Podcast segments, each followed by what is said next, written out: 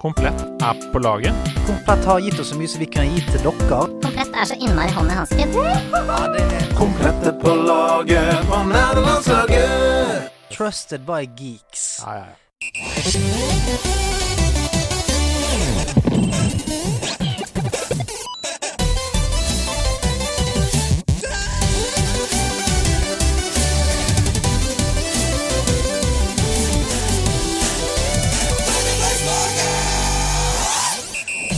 Ta med deg en krakk, sett av på 18-trikken og ta den til Glassmagasinet, så setter vi oss og lytter, for det er på tide med ny episode av Nerdelandslaget. Herregud, så koselig. Eh, Mitt navn er Sebastian Brynestad, som alltid, men dere kjenner meg best som eh, frokostshow-vert og eller gladgutt som liker å pine selv med vanskelige spill.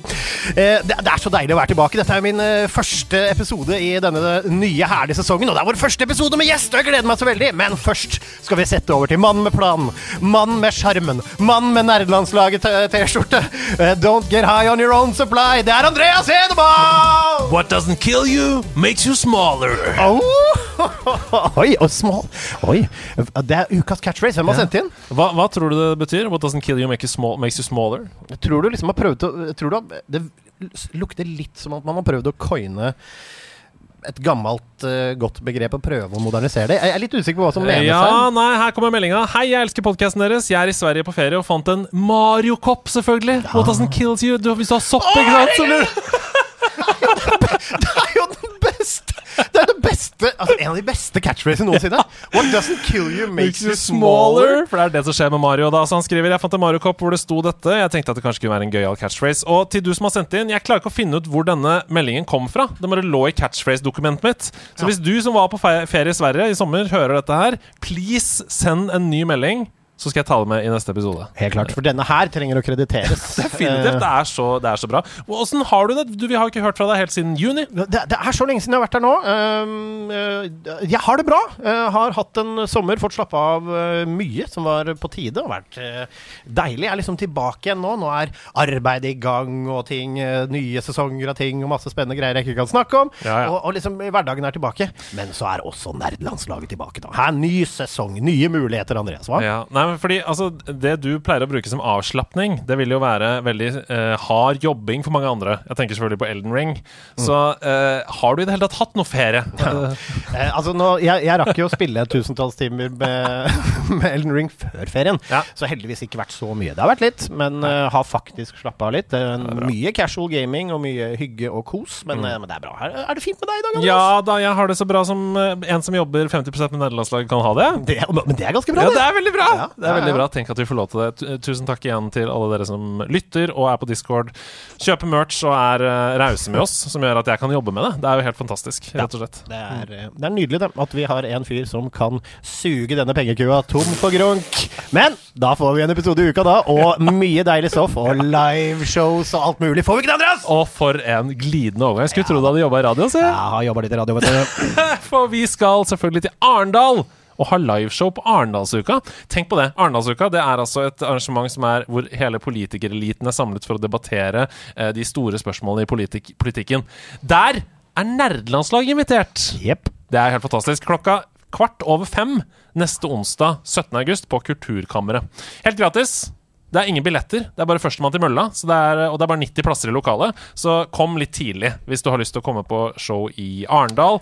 Det fins et Facebook-arrangement. Du kan bare google Nerdelandslaget Arendal, så er det det øverste treffet eh, på Google. Og da skal vi jo endelig legge fram vår politiske strategi og doktrine for hvordan eh, Nei, det er bare tull. Det blir Ja, det- gøy og moro. Det som er uh, gøy med at du sier det, det er at det er ikke så langt fra sannheten. Nei, det fordi det. det, var, det var nemlig Det var Kulturtanken, Ungdom og Fritid og UKM Norge som kontakta oss angående det her, fordi de ønsker å sette fokus på datakultur og spillkultur blant da voksne beslutningstagere, altså oversatt til folk med mye penger, eh, og politikere, da, som er der under Arendalsuka. Eh, så det at vi reiser dit for å da forsøksvis utvise engasjement og spillglede, det er jo en slags koselig propaganda, da. Det vet du hva? Det er den koseligste propagandaen jeg har hørt. Det er som på en måte en slags sånn Josef Goebbels med ei lita kyse.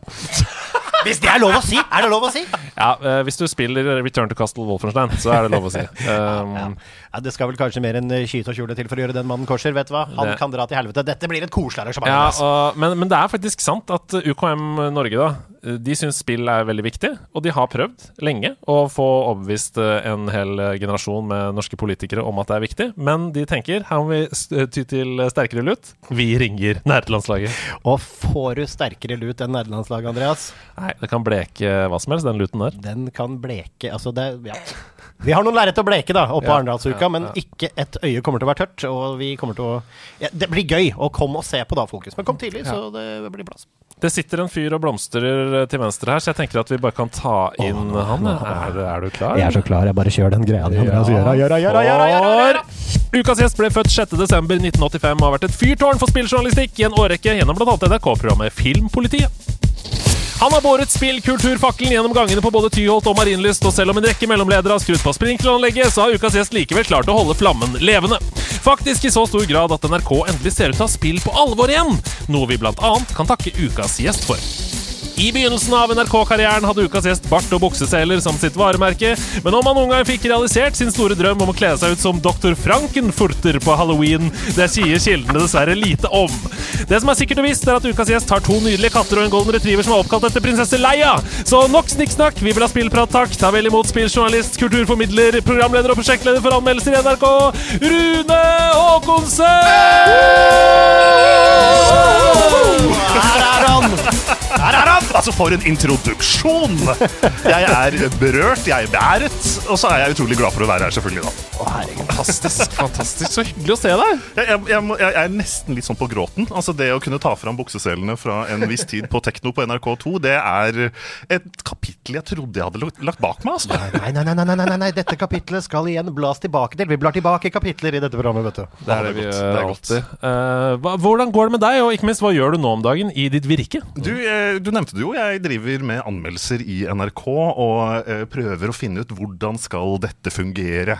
Hvordan skal NRK klare å være det stedet som fortsatt er den liksom, tyngdepunktet i den norske kulturdekninga, og da er det inkludert spill. For uh, som du har vært inne på her nå, med tanke på disse beslutningstakerne, Arendalsuka uh, Det har jo ikke vært en, en lett vei å få vist at spill er viktig.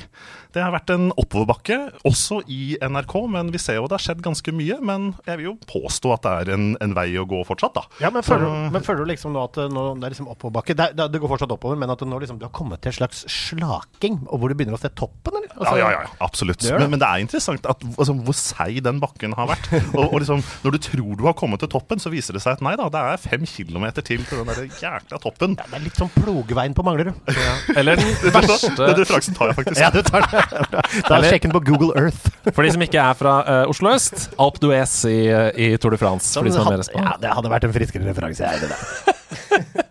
Nei, men eh, så leit å høre, da, egentlig. At det har vært eh, motbakke. Jo, men samtidig så er det godt å vite at det går framover. Mm. de, spesielt de siste åra så har det jo blitt både ordentlig behandla på dokumentarserier, mer nyhetsdekning, mer saker, mer naturlig eh, prat om spill som en del av det som er viktig i livet til mennesker i hele Norge. Og det at det er et sånn generasjonsskifte som er litt skyld i det, det, det, det er det, altså. Men, men tror du også at det har Vi har snakket mye om nettopp dette. Og jeg har en teori om at det også handler litt om at det nå begynner å bli mer akseptert som kunstuttrykk, hvis du skjønner hva jeg mener? På lik linje med musikk og film. Ja, absolutt. Samtidig så tror jeg nok vi sliter litt grann med da, spesielt den voksne foreldredelen av befolkningen som kun spiller liksom Candy Crush og mikrotransaksjonsspill. Eh, Det, det, hjelper oss ikke uh, på veien mot å si at spill er en kunstform på lik linje med alt annet. Men, uh, men vi kommer stadig nærmere, og så kan jo det kanskje være en forsmak på noen kontroversielle meninger litt seinere. Ok! Ja, der kom skudden shots fired, avfyrt, skudden selvfølgelig. Vi er i gang. For en start. Nei, men uh, nå er jo selvfølgelig ikke du um, verken pådriver eller ansvarsperson bak f.eks. Spillhuset-satsingen til NRK, men du jobber jo i samme bedrift. Så det er jo en ting som vi var veldig um, hypa på før det skulle komme. Vi tenker Endelig så tar man på en måte Twitch på alvor og skal streame døgnet rundt og, og året rundt og sånn. Og det gjør man jo. Man tar jo Twitch på alvor med den satsingen. Men hva, hva tenker du om hvordan um, Start den satsingen har fått, og ikke minst hvor den skal videre. Jeg vet ikke om du har gjort deg opp noen mening om det? Jo, absolutt. Og, og du er jo inne på noe ganske viktig her, nemlig de forventningene og ønsket man har til liksom, hvordan er det dette skal se ut.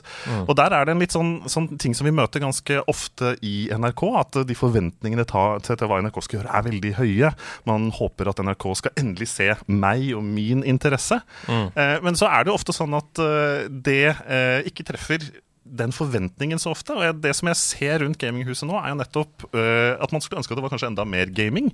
Eh, men det vi må huske er at målet her er jo å få unge eh, folk som kanskje ikke bruker NRK, eller som ikke har et forhold til NRK, skal se at ok, men det er kanskje noe for meg her også. Og det tar oss i ganske uvante retninger. Og der tror jeg nok det ligger en litt sånn clash i forventningene. Men det aller viktigste tror jeg for meg å si i den uh, spillprosjektet der, er jo at det er jo når vi prøver, og prøver å finne de måtene som faktisk fanger oppmerksomheten, det er da man treffer et mye større publikum, og det er gjennom det som NRK kan gjøre oppdraget sitt. Hvis ikke vi klarer å faktisk få folk til å gidde å se på utgangspunktet, så kan vi bare slutte. Mm. Ja, altså, men vi ble jo invitert inn, vi faktisk, Ja nederlandslaget. Jeg var jo oppe der og holdt et aldri så lite foredrag om litt hvordan vi gjør det. Fordi det er jo hele den greia der, da, med liksom Skal man eh, endre på det som er For den romantiske ideen, da, hvis man tar den i bånn, det som er ideen her, er sånn veldig kult. Veldig, liksom Lage en sånn uh, hub der som blir som en eget lite mediehus, da, uh, via NRK. Som en datterselskap, om du kan kalle det liksom. Veldig kul idé, og man, man hørte liksom om det. Og vi snakka jo eh, Det jeg snakka mest om med dem, var community. Som er Og da, da tar vi jo eksempelet i vårt lag, da. Nederlandslaget via Discord og den gjengen som vi har rundt oss, og landslagsgreia, liksom. Men det, det jeg føler uh, litt, da, som man i TV spesielt, så er det så mye seere, da. Og at det er i sånn bygging av follow-base i dette segmentet, så er liksom tålmodigheten litt viktig. At man ikke tar og kutter de hjørnene for å få litt quick fix inn, skjønner du hva jeg mener? At det tar jo tid, og i hvert fall i, en, i et marked hvor, som er så metta ofte med internasjonale profiler og store, store um, ting. Hva, hva tenker du om det? Er du litt redd for at det liksom at det kuttes noen hjørner her for å prøve å dra opp tallene litt for sjefene, som kanskje Nei, men, men, men du er inne på noe veldig viktig her, og det er å tørre å stå i det. Tørre å, å skjønne at det tar tid å bygge opp noe. Og det tar tid å, å forstå, lære publikum å kjenne, og, og, og finne ut hva som funker. Så, så for meg så er jo det aller viktigste med det prosjektet at uh, NRK tør å stå i det. Tør å stå i det når det er kontroverser og det er ting som folk er misfornøyd med. For det er gjennom den prosessen med tilbakemeldinger, med den dialogen med community, at man kommer en vei videre. Og da tenker jeg at For de som engasjerer seg, som lurer på hva det her er, bli med og mene noe om det, er jo den aller viktigste oppfordringa. For det er jo gjennom det at man kan påvirke uh, og, og, og dytte det i den retningen. Men, men jeg tror nok det er viktig å si at de utforsker masse. Prøver å finne ut hva som funker. Og dette er jo selvfølgelig en helt annen måte å tenke på for NRK. Eh, kommer jeg liker å si at Det tar lang tid å snu et skip, men NRK er liksom ikke bare Titanic. Det er Titanic etter det har uh, truffet isfjellet. Uh, og så prøver man å snu! Og så prøver man å snu, og da går det ganske det går det. NRK synker ikke sånn generelt. Altså, er greit å bare legge til det. Det kan være lurt å legge til, ja. Nei, men det blir tøft- ehm, på mandag nå. Dette er jo en veldig veldig viktig og god prat, og det er kjempespennende å høre om. Men du er jo ikke ansvarsperson bak dette prosjektet, så vi skal selvfølgelig unngå å stille de uh, mest kritiske spørsmålene og spørre om veien videre og sånn, men det var kjempefint å høre dine eh, tanker rundt det. Og så er det jo sånn at i motsetning til veldig mye, mye annen journalistikk, så er vi veldig personfokuserte i nederlandslaget. så, så der hvor man som regel er sånn eh, Nei, journalisten skal skrive seg selv ut av stykket og sånn. Nei, nei. Her skal vi skrive journalisten rett inn i selve handlingen. Så eh, Rune, du er jo glad i spill. Men Hvor var det det begynte for deg?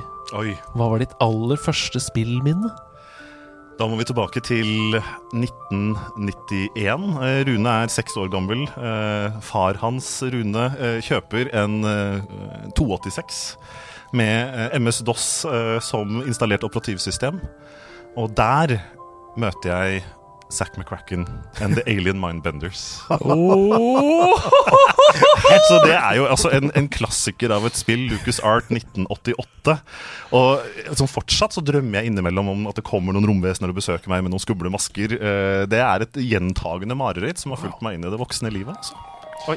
Altså, og der kom nå, Det var litt gøy det, at den kom igjennom vignetten, for da trodde jeg faktisk et sekund at dere hadde planlagt dette så vi skulle inn i marerittet. Det ble et hørespill av marerittet. Men det var bare en slip-up. Men ok. Zack McCracken, eh, fortell. Hva, hva- du fyrer opp dette spillet. Hva, hva skjer? Ja, altså Aller først så, så må man jo uh, ta seg tid til å skru på maskinen, for dette var jo selvfølgelig en 286 uh, som kosta Nå ringte jeg faren min før jeg kom hit, bare for å sjekke. Han fortalte at den kosta 25 000. Kjøpt på Karl Johan i, i 91-92. På Karl Johan?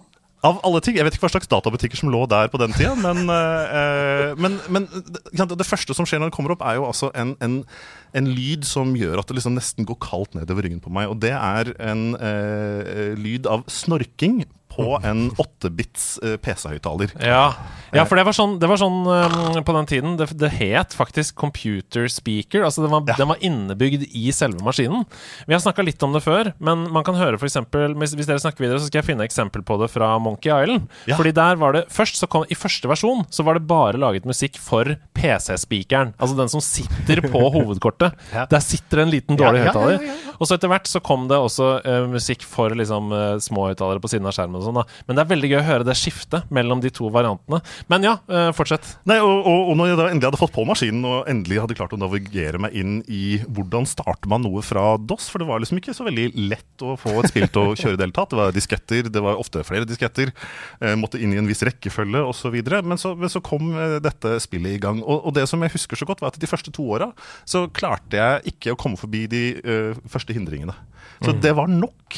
Når jeg var liksom sånn 6-7 år, født i 85, så ja, så 6-7 år Det var nok å rett og slett bare drive og trykke meg rundt sånn helt i starten av spillet. Og så var jeg kjempefornøyd. Brukte timevis på det. Utforska, klikka, gikk fram og tilbake, plukka opp ting. Og så, og så skjønte jeg ikke at liksom Å ja, men jeg må gå der. Men det øyeblikket, da. Men, altså, men det øyeblikket der, da. Altså, det er jo som jeg snakket om før, jeg skal fatte meg i korthet, men Psycho Fox på Sega 8-bit. Ja, ja, ja, ja. Samme greia, ikke sant. Kom meg ikke videre. Og så plutselig da jeg fant ut at hvis du trykker på den select-knappen her, så kan du bytte karakter. Så flodhesten kan slå seg inn. Jeg? Ja, Mind-blowing. Hva var dette øyeblikket for deg, liksom, når det åpna seg? Eh, nei, eh, altså I Zack McCracken-spillet, som er jo et sånt klassisk pek og klikk-eventyrspill uh, fra gamle dager Hvis man går på YouTube og søker det opp, så ser man liksom at det her, her snakker vi old school.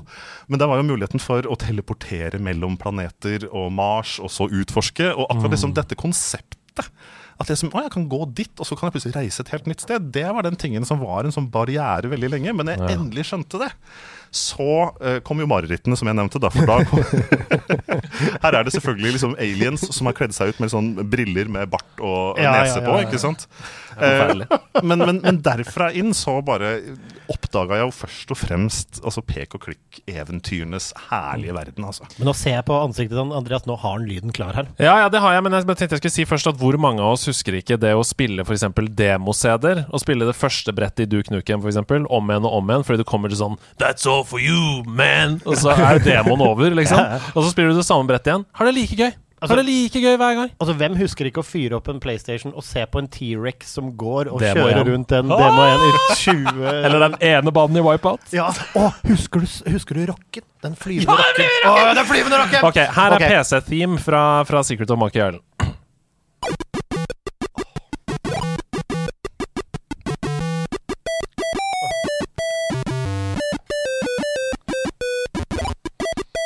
Og det som er fascinerende, det er å høre sånn at det er, det er begrensende hvor mange antall toner man kan ha samtidig. Altså simultant. Polyfoniske ringetoner kommer jo senere. ikke sant? Så når bassen kommer inn, så dreper den det andre. Så du hører sånn og.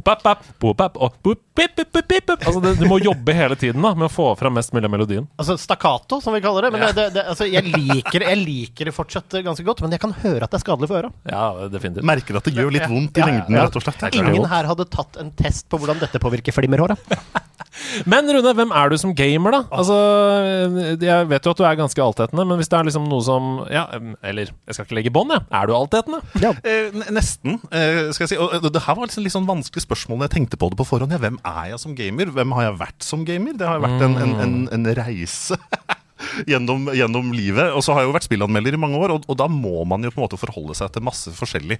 Eh, skjønne hvordan ting henger sammen, hva er det som er bra og dårlig. Men, men jeg tror jeg vil si at jeg starta litt med nettopp disse pek og klikk-eventyrene. Eh, Monk Island er jo et veldig fin referanse å ta videre, og vi lever jo nå i altså, en tidsalder hvor det kommer et nytt Monkey Island-spill Tenk på det. av de originale spillskaperne. Altså, jeg vet er- ikke helt hvor jeg skal gjøre meg. Altså, det er jo også en av mine favorittserier gjennom tidene. Uh, og eh, ja, det kiler i fjøra. Men det, det er litt sånn okay, Liten digresjon, men det håper jeg det er lov til å, å ta her inne. er nettopp, altså, altså Den sjangeren den hadde liksom sin storhetstid på 90-tallet, og så forsvant den litt ut. Eh, Det var det jeg trodde, i hvert fall helt til jeg kom til Tyskland og, og når jeg har vært og jobba der på spillmesse osv.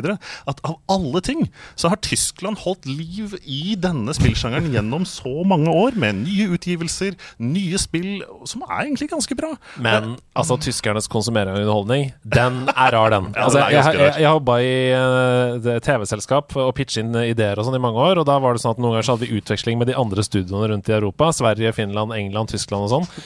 Alle hadde sånn ish samme liksom, trender og sånn. Ikke Tyskland. Nei, nei. Det var sånn uh, Kjøre sin greie, liksom. Uh, yeah, what what is hard in your country right now? Um, there's four hour long shiny floor shows on Friday with news. Ja, ja, ja.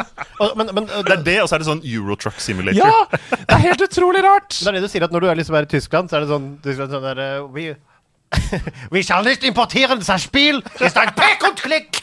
Solo ist ein Pek und Klick. Ich muss den Pek und Klick haben. Er det veldig sint? Er det, er, liksom, er det pragmatiske på det, eller eh, spiller de også litt grann eh, Fifa? Eh, litt det også, men mest militant på denne pek og klikk-delen. Men, men, har, altså. Ja. men har de egne tyske spill, er det jeg lurer på? Ja, Fordi- ja, ja, ja. Som ikke kommer til resten av verden? Altså, det var ingen andre i resten av verden som var interessert i disse pek og klikk-spillene som kom på midten av 2000-2010-tallet. liksom, så at da, da var det et marked i Tyskland for det. Men, eh, men det var Populære liksom spill er også dubba. Alt, alt Ja. som ikke er tysk, er dubba til tysk. Så Ja, det vet jeg. den naturlige veien videre derfra var jo liksom inn i, i rollespillverden. Og der mm. var liksom den store opplevelsen for meg kom i 97, Final Fantasy oh. eh, 7. Men nå håper jeg at ikke jeg tar feil på årstallet, for da blir jeg sikkert fort arrestert. eh, håper jeg. Det høres riktig ut for meg. Eh, men, men der var det en sånn interessant Siden vi kom på dette med å spille de første brettene eller demoen. For eh, det var jo ganske dyrt. Eh, det var jo flere CD-rommer. Det var dobbel-CD på PlayStation, husker jeg. det var fire. Fire på fire PC. Ja, ja, men, Um, ja dobbeltcover var det. Ja, dobbeltcover. Så dette var jo altså omtrent da jeg begynte min karriere inn i eh, Vares. Åh. Litt sånn type eh, gamle nettsteder med piratkopiering av spill. Eh, Det føler jeg at nå er liksom, det er sikkert såpass lenge siden at nå er det forelda hvis politiet kommer. og Skjønner ikke hva du snakker om. Jeg har aldri hørt om. Eh, Men der endte jeg jo med å spille de ti første timene av Final Fantasy 7 en sånn sju, åtte, ni, ti ganger. Fordi at det på grunn av en liten sånn finurlig greie de hadde lagt inn, så at hvis du piratkopierte det, så slutta det å funke etter ti timer. Ja. Ah, så du prøvde å, altså du ble en speedrunner som prøvde å runde det på ti timer til slutt? Og så startet jeg på nytt. Sånn, var, var, var, det noe, var det noe galt jeg gjorde? Uh, Trykka jeg på en feil knapp? Ti timer til. Kom tilbake like frustrert. Eh, men til slutt endte jeg med, og da mente jeg hadde brukt 100 timer på de ti første timene i spillet. Og det er ikke et kort spill i utgangspunktet. Nei, nei. men da endte jeg med å, å, å samle sparepengene mine, gå og kjøpe Final Fantasy 7 og endelig liksom oppleve hele, Wow. hele greia. Så hvor lenge trodde du det var permadeath i Final Fantasy 7 før du kjøpte? Eh, jeg sleit i hvert fall lenge på å skjønne, skjønne hvor, hvorfor skjer dette. Og så kom det liksom en sånn samvittighet gnagende til slutt. Sånn, ja, kanskje det er fordi det er fordi jeg har lasta den ned. Eh, Ja. over en eh, ISDN-linje som jo tok litt tid. Da, Men altså, til, altså til, eh, vårt fors, til vårt forsvar her, da, og spesielt til yngre lyttere, fordi nå er det sånn piratkopiering nå. Har liksom, man, de har kommet til, fått en del bukt med det, liksom, rett og slett. Men eh, det var en tid hvor det bare var greit. Mm. men vi var, altså, eller, la oss være ærlige, vi var tjuvradder på den tida. Ja, det det. Alle sammen var tjuvradder. Det tror jeg vi kan si. Og der var det liksom, Du måtte laste ned et spill, og så måtte du kanskje laste ned en modifisert XE-fil, og så måtte du endre litt på den, sånn at den ikke sjekka om CD-en sto, CD-rommen sto i, i spilleren. Ja, nei, det var, det var en tid hvor man måtte lære seg å hacke, rett og slett, for å kunne game. Det var et spill i seg sjøl, det greiene der. Uh, og, altså, og, og hvor mange ganger man trodde man lasta ned et spill, og fikk noe ganske annet uh, Ja, ja, ja, ja. på datamaskinen, kan vi bare Men vi trenger ikke å snakke om hva! Nei, jeg, ikke det. jeg har nettopp lagd en eh, Eller jeg har spilt inn en episode av Dypdykk, vår sidequest, om Final Fantasy 7. Sammen med Alexander Sandtorv, så den kommer om et par uker på Patron, og da om ca. tre måneder, for alle dere som hører dette nå på Spotify. Uh, så det kan være verdt å signe seg opp for en uh, billig tier på Patron, for å få høre hvis man har lyst til å høre mer om Final Fantasy 7, men bare kort, da, fordi eh, det er jo et såpass sterkt spill for veldig mange. Har du liksom, med unntak av det øyeblikket som jeg selvfølgelig refererer til. Har du noen øyeblikk som står ut fra det spillet? Noe noen områder du liksom kjenner på at du husker godt, eller noen favorittkarakterer, eller Nei, det er jo historien om Tifa og Barrett, kanskje. Eh, og når man liksom møter de og skjønner at det er et større persongalleri enn bare Cloud, og, og, og det at man kunne ha og velge laget sitt. Ulike egenskaper. Og hvis jeg på en måte bare investerte nok tid, så kunne jeg se alt det fantastiske de kunne gjøre. Det var på en måte å se disse store angrepene, de virkelig eh, spektakulære visuelle eh, altså nå, Derfor snakker vi PlayStation 1, så at, eh, når jeg sier spektakulært, så var jo det eh, sett med 1997-øyne, da, vel å merke. Eh, men, men akkurat det, det var en sånn drivkraft. Jeg hadde lyst til å se hva som skjedde hvis jeg klarte å få liksom, brukt den spellen, få til den magien. Yes! Det var noe som dreiv meg framover. Og så etter hvert som jeg ble litt større, så skjønte jeg at det var en god historie her også. Og hele greia Sefirot og ja, mm, the whole shebang. Men det kom først etter hvert, altså. Jeg skjønte ikke historien med en gang, men det var veldig gøy, da. Det er jo et spill som eh, på mange måter eh, favna veldig mange. Og det er jo eh, viden kjent for historiefortelling. Og mm, altså Det fikk jo seg en aldri så lita remake her også. Har du spilt det, eller? Jeg har ikke det.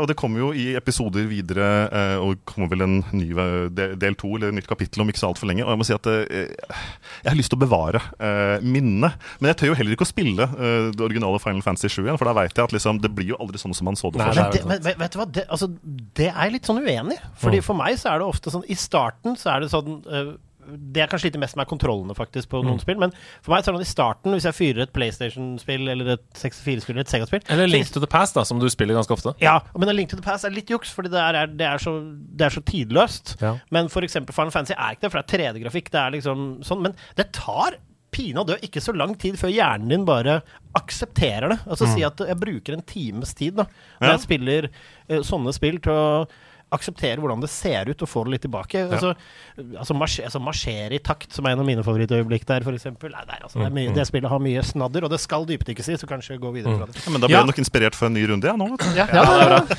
Nei, fordi eh, jeg spurte deg om hva slags gamer du er, og du har snakka om pek og klikk og snakka om rollespill, men eh, Du må spole fram til i dag, kanskje. Ja, jeg har jo eh, også gått gjennom veldig mange faser som spiller, og forandra mine favorittsjangere opp igjennom opp igjennom, og etter hvert som man, den horisonten utvides, så får man jo andre ting. Men hvis du skal liksom peke på noen andre typer spillsjangere som du alltid kommer tilbake til, da, hva er det da? Jeg kan jo si at jeg fant meg sjøl i SimCity. Hvis det, Ja! det, det, det er koselig. City Builder! Yes. City Builder! City sittebilder. Men, men, men det husker jeg, altså, jeg har jo vært så heldig å få møte mange uh, spennende spillskapere opp gjennom åra, og Will Wright er jo en av mine idoler. Og, og hans liksom filosofi med at eh, et spill trenger ikke liksom, en lineær vei til et mål. Det trenger ikke å være sånn at du går gjennom en historie og kanskje variasjoner over den historien. Men, men hele konseptet rundt at veien er målet. Altså det å utforske hva er det denne, dette verktøyet eller denne sandkassa gir meg, og at min historie i en by, da, i SimCity, kan jeg forme helt på egen hånd.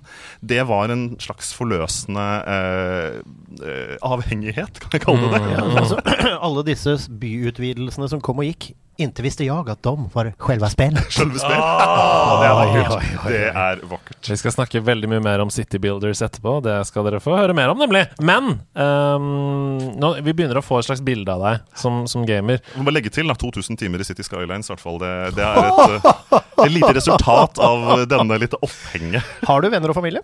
Eh, Jeg har uh, samboer, dyr, eh, som var nevnt, eh, og ja da. Men alle er veldig forsømt. Eh, alle vet at eh, hvis jeg spiller City Skylines, så, så, så er jeg i min egen sone. Altså. Det er riktig. Det er, riktig. Ja, men det er godt å høre. Sånn skal det være. Ja, det er veldig bra. Men uh, vi pleier å spørre gjestene som kommer på forhånd her, om uh, deres topp tre uh, spillopplevelser. Eh, og derfor så spør jeg om det, da. Du har vel sikkert forberedt tre, og det trenger jo, som vi har sagt tidligere også, ikke å være de beste spillene du har spilt, men de kan ha en, hatt en verdi for deg på, av en eller annen grunn. En historie knytta til dem, f.eks. Og for å bare bygge litt videre på denne byggespilltanken, så, så er det første jeg må ta fram, er jo Transport Tycoon Deluxe.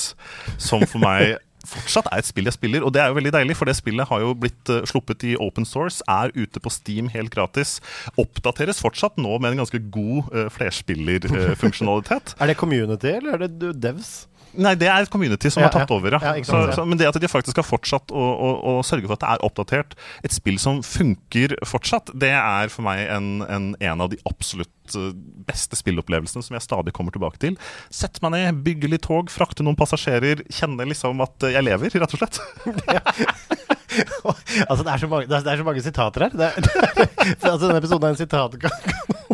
Men jeg kjenner meg jo ekstremt igjen i dette. Ja, Det har vi altså, snakka om du før. preker til koret her nå. Altså, når jeg følger trafikken i GTA, eller, eller Men, men du Er velger så rare ting! Ja. Men du velger så rare ting, Andreas. Han spiller spill laget for å gjøre det. Du spiller GTA 5 for å følge trafikkreglene! Ja, dette var bare ett eksempel. Det andre jeg sa, var, skulle si, var American Truck Simulator. Når jeg spiller Ja. det og koser meg og henter eh, varer og frakter de fram og tilbake og sånn, og følger trafikkreglene i Colorado Mountains, for eksempel For, for, for da kan det hende vi blir litt uvenner nå. For jeg skulle nå til å si at det neste steget er at jeg, jeg setter en strek ved sånne simuleringsspill. Ja. Altså Eurotruck Simulator. Okay, da. Nei, det, det, det går ikke helt. Ja, for, For meg er det terapi, da. Jeg spiller, Ja. Det er ikke sånn at jeg spiller det hver uke for å bli bedre i det. Altså Jeg spiller det når jeg trenger å slappe av. Ja. Hvis jeg vil tømme huet helt, liksom. Da spiller jeg. Jeg lurer på, eh, det, Du snakket jo om det er tycoon. tycoon. Mm. Eh, og når det er de spillene der, sånn som jeg husker sånn Rollercoaster Tycoon og sånn, Mm. så er det jo liksom Der er det jo mye tøys også. Altså det er det fordi Der hvor du spiller Truck Simulator eller Gressklippe Simulator eller hva du spiller, du spiller så mye Power Wash. Simulator, som jo er Older rage Altså, akkurat nå. Har dere sett hvor stort det er? Power Wash Simulator? Det Det, tar helt av. Insane. Altså, du har helt sikkert kjøpt det, Andreas. Du har sikkert Har du kjøpt det? Nei, men eh, jeg så, jeg så bare Rad Crew la ut en uh, i, I sin episode så snakka de om det og sa sånn Jeg klarer ikke å slutte å spille det. Jeg nærmer meg tresifra antall timer. Jeg klarer ikke å slutte å spille. Altså, jeg er ganske sikker på at det hadde kommet røre i gryta simulator, så hadde du helt sikkert spilt det også. Men uh, Oddly Satisfying på Reddit Det er jo en underkategori, og det er en grunn til at den eksisterer. For det er deilig å se en uh, oppkjørsel som er helt gjengrodd, bli helt superclean, Ja, ja. akkurat som ny, med power wash. Det er deilig. Ja, ja da, og jeg skjønner hvor dette kommer fra. Altså. Men det, poenget mitt var at Tycoon, der er du litt sånn tøysete også, så du, du setter streken der hvor du blir liksom der hvor du egentlig burde bare kjøpe deg en lastebil og tjene penger på å gjøre det. på en måte Og du syns det er litt morsomt at det skjer litt gøy også, eller? Ja, altså, ikke, Transport av kundelux er jo ikke så veldig mye moro. Der er det mer sånn bam, det er jævlig god musikk, da må jeg si det. Forresten, kan jeg banne? Ja, Ja, ja, ja, ok, greit, selvfølgelig. Ja, ja, Altså, det er ikke om å gjøre å banne mest. Nei da, men eh, siden jeg kommer fra NRK, så må jeg jo dobbelt Absolutt. eh, Det er helt, helt greit. Vi bare smeller en liten explicit på episoden dersom det koker. ut. Nei, men for eh, Etterpå nå så har jeg jo tenkt å gå hjem og spille det nye Two Point Campus. Som Ja jo er eh, liksom den spirituelle arvtakeren til Theme Hospital, bare med universitetsgreier. Absolutt. Uh, Og vårt redaksjonsmedlem Ida fikk kode på det i dag, så hun Ah. sitter og skal anmelde det as we speak. Hun sitter og spiller det nå. Men jeg spilte jo det andre spillet, streama det litt. Hospital? Two Point Hospital. Mm. Eh, det syns jeg var skikkelig dårlig. Ja. Jeg ja. koste meg ikke i det hele tatt. Jeg Syns ikke det var noe gøy. Eh, Nei. Jeg vet ikke hva som skjedde der. Kan hende at det var dagen, liksom. Men det måtte jeg streama det jo. Men det var- jeg kjeda meg selvfølgelig. Jeg måtte bytte spill midstream. Men? Da er det krise. Liker du Team Hospital? Ja, jeg Ja. elsket Team Hospital. Så da har det kanskje mista litt av den lekenheten som Team Hospital hadde. Ja, Tatt seg selv litt for høytidelig. Bommet litt med humoren, f.eks. Jeg er veldig spent. Og det, var- men det var langtekkelig. Det, det var det som var problemet. Det tok lang tid å komme i gang med mora. Men fortell. Du skal, dette, hva, hva er forventningene? Eh, Nei, altså, eh, Forventningen er at jeg skal bruke et tresifra antall timer. Det tror jeg du skal. Så enkelt og greit. Det har fått gode anmeldelser. Uh, Gjenstår å se hva Ida syns om det, men uh, det har har fått gode anmeldelser. er det et universitet? Ja, det er et helt universitet, og det er mye flere valgmuligheter. Du kan f.eks. lage din egen idrettsbane utafor, mm, med forskjellige sporter. Og spille litt Fifa der, Mm, eller? kanskje. Men OK. La oss gå til neste, og, og, og her uh, Nå har jeg tatt med et lite lydklipp. Eh, og hvis jeg, kan, kan jeg nå liksom introdusere det, og så setter du det i gang? Er det sånn det? Ja. For uh, jeg har fått, uh, fått intervjuet mange interessante spillskapere opp gjennom åra, og så er det noen intervjuer man husker bedre enn andre. Eh, og så er det en liten epilog akkurat på dette også, som vi får komme tilbake til. Men eh, dette er et intervju fra høsten 2012. Altså det er nesten akkurat ti år siden. Eh, da var det et spill som het Journey. Det er en av, altså, det er en av eh, jeg kan Alle snakke- redaksjonens Alle favoritter. Ja, men da, da er skjønner jeg at jeg har kommet hjem. Du har kommet hjem. Velkommen hjem. Ja. Men eh, dette er et av de intervjuene som, som bare har satt seg, som jeg tenker på fortsatt. Hvor produsenten Robin Hunnicker forteller liksom hva, hva, hva, hva slags følelse er det de har lyst til å oppnå med et spill som Journey. Journey was inspired by a conversation that our creative director, Genoma Chen, had with an astronaut. And in that conversation, the astronaut's actually the guy that pilots the space shuttle. And so Genova said, Tell me something interesting about your job. you know, you, you drive a space shuttle. And the man said, Well, when I put astronauts in my space shuttle and I take them out into space, a lot of times they're very logical and focused on science. But when they come back to the Earth, they have had a transformation. Their connection to humanity has changed.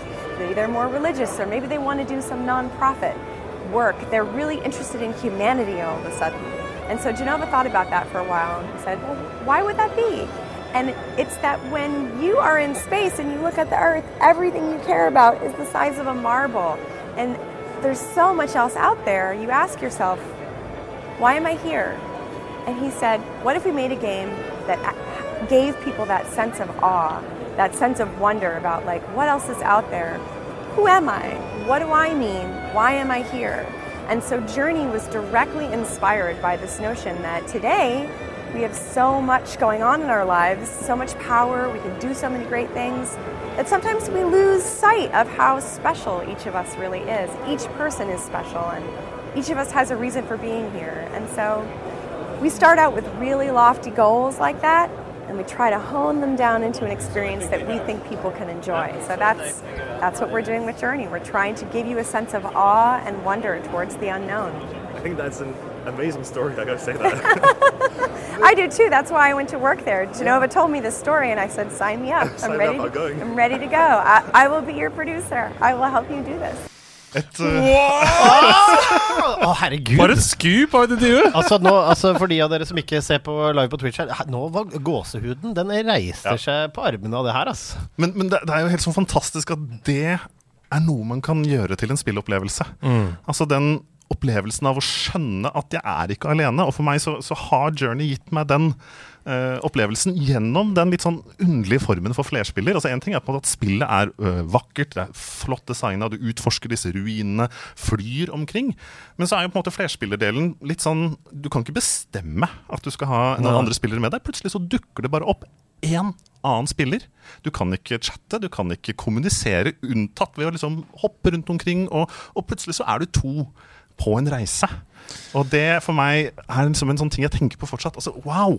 Jeg skjønner at det sitter et annet menneske der ute som nå deler denne opplevelsen med meg, og det er en så fantastisk greie at uh, Journey spiller jeg fortsatt en gang iblant, bare for å prøve å oppsøke og gjenskape den der liksom gåsehudaktige følelsen der, altså. Litt som å prøve å se den sjette sansen eh, en gang til. Men, nei, men altså, en av mine vakreste spilløyeblikk kommer jo fra Journey, både hele opplevelsen av det. Men uh, jeg spiller igjennom, og min makker kommer inn, og vi er sammen uh, liksom gjennom hele. Man spiller jo jeg spiller det i én sitting, på en måte, og det bare er Det flyter gjennom. Og så når, når rulleteksten ruller, så plutselig så er det sånn Inntrykkene bare er sånn wow, herregud. Og så sier det plaklink. Og så får jeg en melding inn. Og så er en helt random person hvor det står 'Thank you for an amazing journey, man'.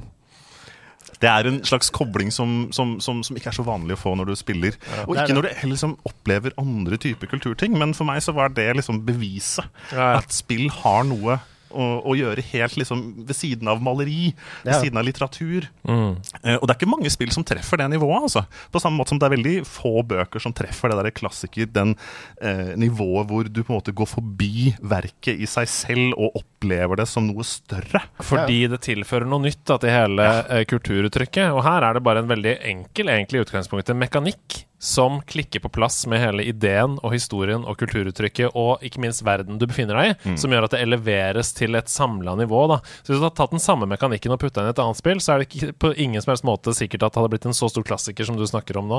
Men det er det derre underfortalte og det vanskelig å kommunisere og det som også gjør det. Og det er veldig interessant å høre det intervjuet, fordi det er jo, som du sier, så mange metaforer for livet sjøl her. Man kan ikke styre hvilke mennesker man møter. Og man kan i hvert fall ikke styre hvem som kommer til å bli viktig for deg opp igjennom. Mm. Du kan til en viss grad investere sjøl, men plutselig så dukker det opp en person som blir mannen din eller kona di, liksom. Og du så jo ikke det komme. Det, var, det kan skje på jobben, det kan skje på T-banen, det kan skje på hvor som helst. Og, og sånn er det med Journey også. Det tilfeldige møtet rett og slett Ja, ja. har utrolig mye å si. Og det å klare å, å få den spilleopplevelsen altså Bare sånn, sånn designmessig jeg er helt matt Mm. av tanken. Og Altså. det som er så gøy med det der, da, at jeg tror liksom eh, at Det er designa så perfekt at det er ikke mulig for Altså eh, for den du kommer inn du kan, det, er liksom ikke et, et spill du blir trolla i. Altså, Mm, Det er ikke et spill du Noen kan gå inn og fucke med deg, eller skrike i chat, eller liksom Mm. drive sånn du, du danser liksom rundt. Altså, det er sånn eh, Man skal jo ikke nødvendigvis måle kunstuttrykk opp mot hverandre, for de er forskjellige, men så er jo vi gamere velsignet ofte, da, og spesielt her, med nydelig musikk, nydelig visuelt, og det er interaktivt. ikke sant? Så det er liksom, Man får jo lyst til å kunne liksom gå på Munch-museet og, å danse seg gjennom samme pikene på broen. ja, ja, ja, er litt, det er litt, mens Mozart spiller! Men Munch VR har jeg hørt kommer nå, etter, etter uh, Kid A sin eh, Radiohead-VR-opplevelse. Men det er bare drikking og opium, det vet du, i gamle, i gamlebyen. Skal det være ekte, så skal det være ekte. Okay. Men, men det er en liten epilog her, og det syns jeg er litt viktig å ta med. Uh, som ikke handler om spillet i seg selv. Vi må jo klare å skille verket fra opphavspersonene. En klassisk debatt eh, på, på mange fronter av kunst og kultur. Eh, men det har jo dessverre vist seg at uh, Robin Hunnike her ikke har uh, vært kanskje den beste kollegaen. Ofte. Eh, og det er jo også greit å sørge for at vi er etterrettelige. At uh, i det siste har også kommet en god del anklager om ganske begredelige for arbeidsforhold i de bedriftene hvor hun har jobbet. Så bare som en liten deklarasjon. Fantastisk historie, men litt sånn kjip akkurat den biten der. Men spillet og Ja, ja. spillopplevelsen den er sterk. Så hvis det er noen som enda ikke har spilt Journey, koster slikk og ingenting. Sikkert inkludert i PlayStation Plus på, på, på, på PlayStation både 3, 4 og, og 5. Altså, det er verdt det. Eh, Spill det, opplev det, kjenn at du har en plass i universet. Altså, Tenk at man kan si det om et spill. Ja, ja. Han, han puster Altså, vet du hva? Det, og jeg, jeg kjenner det sjøl. Det er et lite troféskap, dette. det, Rett og slett. det, det var rett og slett det. Var Rett og slett, det. det var helt nydelig. Tredje spillet på lista di, Runis. Oh, ja, nei, eh, her sliter jeg, for at det er så utrolig mye å, å velge i. Men jeg vet dere har eh, eh, snakket mye om dette spillet. Det er et ganske nytt spill. Oi. Og da snakker jeg selvfølgelig om Elden Ring. Ah! Å, okay. jeg går og henter meg en kaffe, så kan dere ta neste 20 Denne minutter. episoden ble nettopp tre timer lang. Eh, La meg nå bare blunke raskt med øynene mine og se på deg og si Hvorfor elsker du Elden Ring? Altså, det, det, det, um, det er noe med måten eh, den åpne verden er designa på, og den tilliten eh, som spillskaperne gir hver enkelt spiller i å oppdage det. Det er noe som er så uvanlig i disse dager. Eh, spill som gjerne tar deg i hånda, som, som drar deg gjennom i en retning, selv om de etter sigende skal være åpne spillverdener. Det er nettopp det eh, Elden Ring ikke gjør. Og, og for meg så dukker også litt av denne systemfascinasjonen opp. Hvordan er det de har tenkt at jeg skal utforske dette? Det begynner jeg å lure på, og så, og så begynner jeg å bli veldig sånn meta. Altså, sånn, jeg, men, men har de tenkt at jeg skal gå her eller her? Er det meningen at jeg skal gjøre sånn eller sånn? Og det som jeg til stadighet liksom møter i Elden Ring, er at det ikke har den planen. Det overlater ansvaret i veldig stor grad til meg som spiller. Og det i seg selv har gjort at jeg på en måte har sett at Elden Ring er noe annet. Ja. Noe som går litt forbi den klassiske actionspill-greia. Uh, Og det gjør at uh, det er nødt til å bli en av de aller uh, Ja, rett og slett opplevelsene som, som er ganske nye, men som jeg tror kommer til å følge meg resten av livet. Altså. Jeg, jeg mener jo at dette er Og jeg er jo superinhabil fordi Soulsborne Eller jeg er ikke inhabil, eh, det er helt subjektivt. Det er Soulsborne-sjangeren og FromSoft er mine favorittspill. Sånn at dette for meg er det beste spillet jeg har spilt i hele mitt liv. Og det er veldig mye pga. det du sier. Det er fordi at jeg elsker mekanikkene, men poenget er jo det som ligger i bånn. eh, som du sier her, at det holder deg ikke i hånda. Og så er det noen steder hvor det vil føles ut som Å ja, her kan jeg ikke være en, enda intuitivt. Poenget er at du kan godt være der. Fordi det finnes ikke en boss i det spillet du ikke kan slå med knyttneven din mm. uten å levele en Ja, eneste sant. gang. Og det er poenget, ikke sant. Det er get good, så det blir litt som livet sjøl, da. At uh, du vil jo liksom, etter når du begynner på et studie, f.eks., uh, så vil du tilegne deg kunnskap og ting. Og du ville sikkert kunne tatt mange utfordringer før, men du blir bedre og bedre og bedre. Og Beklager å bryte illusjonen, det var bare lydtriks at jeg ikke var til stede. Jeg, jeg, var jeg, hørte selvfølgelig hele samtalen, og jeg er helt enig i eh, det du sier med at det får sånn metaperspektiv. Fordi vi som har jobba i underholdningsbransjen, f.eks., hvis, hvis Sebastian og jeg som har jobba mye med TV, ser på et TV-program, så sitter vi og tenker å ja, det var derfor de gikk for det valget. Ja. Sånn ja. og sånn, ja, Og så greit, ja. sånn Ok, kameraet sto der, ja, det betyr at det er ikke noe bak der. Den er, det er en falsk vegg, ikke sant? Men vi sitter og tenker sånn. Og for eh, deg som har anmeldt mye spill og opplevd mye spill fra forskjellige vinkler, så skjønner jeg at du også sitter det. Mm. Ok, det lyser der borte. Da vil de sannsynligvis lede meg den veien. Ikke sant? Sånn som f.eks. VR-spill designer så veldig på den, side, den måten. Jeg, jeg leste et intervju med en VR-utvikler som sa at VR er noe av det vanskeligste å utvikle for, fordi spilleren har full frihet. Altså Man kan se i alle retninger, man kan gå i alle retninger. Hvordan skal vi lede dem dit vi vil? Um, litt som en åpen verden, da, men i VR er det enda mer utfordrende. Uh, så det er interessant, det metablikket på Ellen Ring. Men der kommer det litt den derre altså, eh, level design som et fag, da. Og det er der for meg også at det er sånn så tydelig at her har de bare satt sammen de aller beste folka som, som klarer å Uh, gjøre det jeg mener Super Mario, altså originale Super Mario Bros, klarte med sin første verden. Nemlig å helt uten å uh, dytte deg i en retning, men helt intuitivt, så skjønner du Å ja, jeg skal, jeg, hvis jeg trykker sånn, så skjer det sånn. Og så Å ja. Ah, boing, hoppe. Og, det, og hvis man går tilbake og liksom studerer det første brettet i Super Mario, så ser det liksom at det er ingenting tilfeldig. Alt er plassert på en måte som skal gjøre det naturlig å utforske og lære spillet. Og da gjør det meg altså, Jeg ble helt mind blown av hvordan får det til det i en åpen 3D-verden. Det løfter Elden Ring forbi så mye annet som finnes. Eh, og bare, liksom, bare på bakgrunn av level design så kan jeg liksom si at det er en av de mest fantastiske spilleopplevelsene jeg har hatt. Og, eh, og i tillegg så er det da det, det litt lureri i det, som er at uh, nå har jeg spilt det så ekstremt mye at uh, nå kjenner jeg igjen på en ny start. Så ser man det. Og så er det um, Og hvis man ser liksom folk begynner å spille det, så har veldig, veldig, veldig veldig, veldig mange som spiller det, har ganske nøyaktig liksom mer eller mindre de samme retningene først. Fordi dette spillet leder da også i, i gang til en viss grad, liksom. Men det er gjort med en sånn eleganse som gjør at de har klart Og dette er altså nå er jeg, jeg er jo så glad i det spillet, men, men de har klart å gjøre De har klart å bare uten å overlede, så har de gjort det så intuitivt.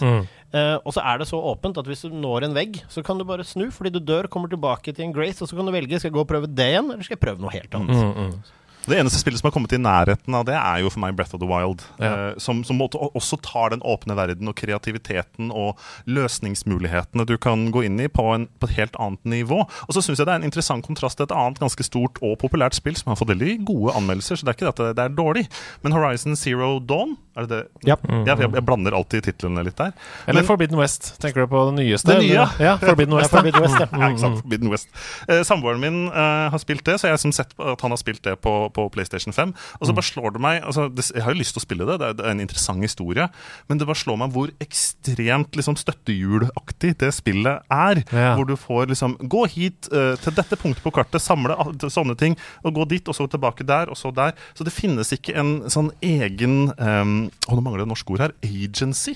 Altså en, en, en, en, en intuitiv vilje eller til å forstå eller utforske. Og for meg, så når de spillene kom jo nesten samtidig, så blei det en veldig sånn stor kontrast. Og ikke minst eh, va- vannskille. Altså før og etter Elden Ring. Men det er på en måte en, en måte å designe spill på som nesten er perfeksjonert i Forbidden West. da Altså Det begynte med Uncharted, kanskje, eller enda før det. Ja, for jeg Og så- vurderte nemlig å si Uncharted og så har, det bare blitt, så har det bare blitt bedre og bedre og bedre. Og Forbidden West er kanskje toppen av den måten å designe spill på. Og så kommer Elden Ring, som er en helt annen tankegang. Men, men i Elden Ring så er du i universet. Du er universet. Du er en silent, uh, prota en silent protagonist. Uh, du er der og opplever. Uh, det som gjør at jeg ikke klar, Jeg kommer ikke i gang med Forbidden West. Jeg, klar, altså jeg kommer til å å Og du elska jo Zero Dawn. Ja, men det som skjer her, er at um, Jeg syns at det, det er mer av det her. Det er bare at det er så mye det er så mye sånn Den er der, du kan plukke opp den, den kan plukke opp, den kan plukke opp, den kan plukke opp, den kan gjøre, der er det analyse, der er det analyse, der er det analyse. Og så er det en måte sånn å narrate alt som skjer hele tiden, så jeg ikke får lov til å tenke selv. Hun sier hele tiden sånn Wow, those dinosaurs look like they're mechanicals, maybe have a blast zone. Det kan jeg få lov til å tenke sjøl! Those plants may, uh, may, might be e- able to climb up there and find okay, altså Det er sånn Slutt med det! Det, det jeg elsker, er understatementen i historien til Elden Ring, og det syns jeg Forbidden West rett og slett har bomma på. Det er ikke et Ja, dårlig spill, men det er for så masete. er det er litt å sammenligne Elden Ring og, og Horizon Forbidden West. Det er litt som å sammenligne Mario og Fifa også. Det er for meg to veldig forskjellige spill. Jeg syns Forbidden West ligner mer på The Last of Us. Altså en fokusert fortelling som du skal høre, enn det ligner på en åpen verden i Elden Ring. Eh, så jeg syns det er Ja, eller nærmere nærmere Uncharted, da. Jeg syns det er mer et singleplayer-eventyr. Jeg, men, Men- men- jeg, jeg, jeg kjøper den uh, Men, men Last of Us lar deg fortsatt få lov til å oppleve ganske mange situasjoner uten at det kommenteres så mye av protagonisten. Det altså, det er egentlig mitt hovedproblem her. Ja. Det er hvor mye HUD som hele tiden skjer, Ja og hvor mye Alloy hele tiden skal forklare meg hva jeg skal føle. Ja. Det liker jeg ikke så godt uh, nå lenger. Og så er det jo litt ironisk da at uh, spesielt japanske spilldesignere er jo elendige på å bruke grensesnitt og, og UI, rett og slett. Sånn at uh, Elden Ring fortsetter jo en veldig stolt der, der er det! He, altså, hele Japan rasler med katanaene nå. Ghost of Tsushima, elendig på UI! Altså, Ghost of Tsushima, en av de villeste UI-ene altså, Du kan skru av alt, mann! Jeg har jo anmeldt og spilt Bloodborne og andre Soul-spill opp igjennom. Og det er liksom den derre uh, Du må ha en viss interesse for å klare å komme forbi og forstå liksom akkurat den inventory-biten. Du snakker om to av verdens beste spill gjennom tidene. Ja, ja, ja, ja, ja. Det- Shots fired, da, var det ikke det? Ja, jo, ta en gang til, Klauta. Det er dobbelt shot fire. det. Vet du hva? Nå skal jeg, vet du hva? Er det én ting jeg skal gjøre, er å sende adressen din til Japan. i hvert fall, For her kommer Katana-gutta. Det kan du si med en gang.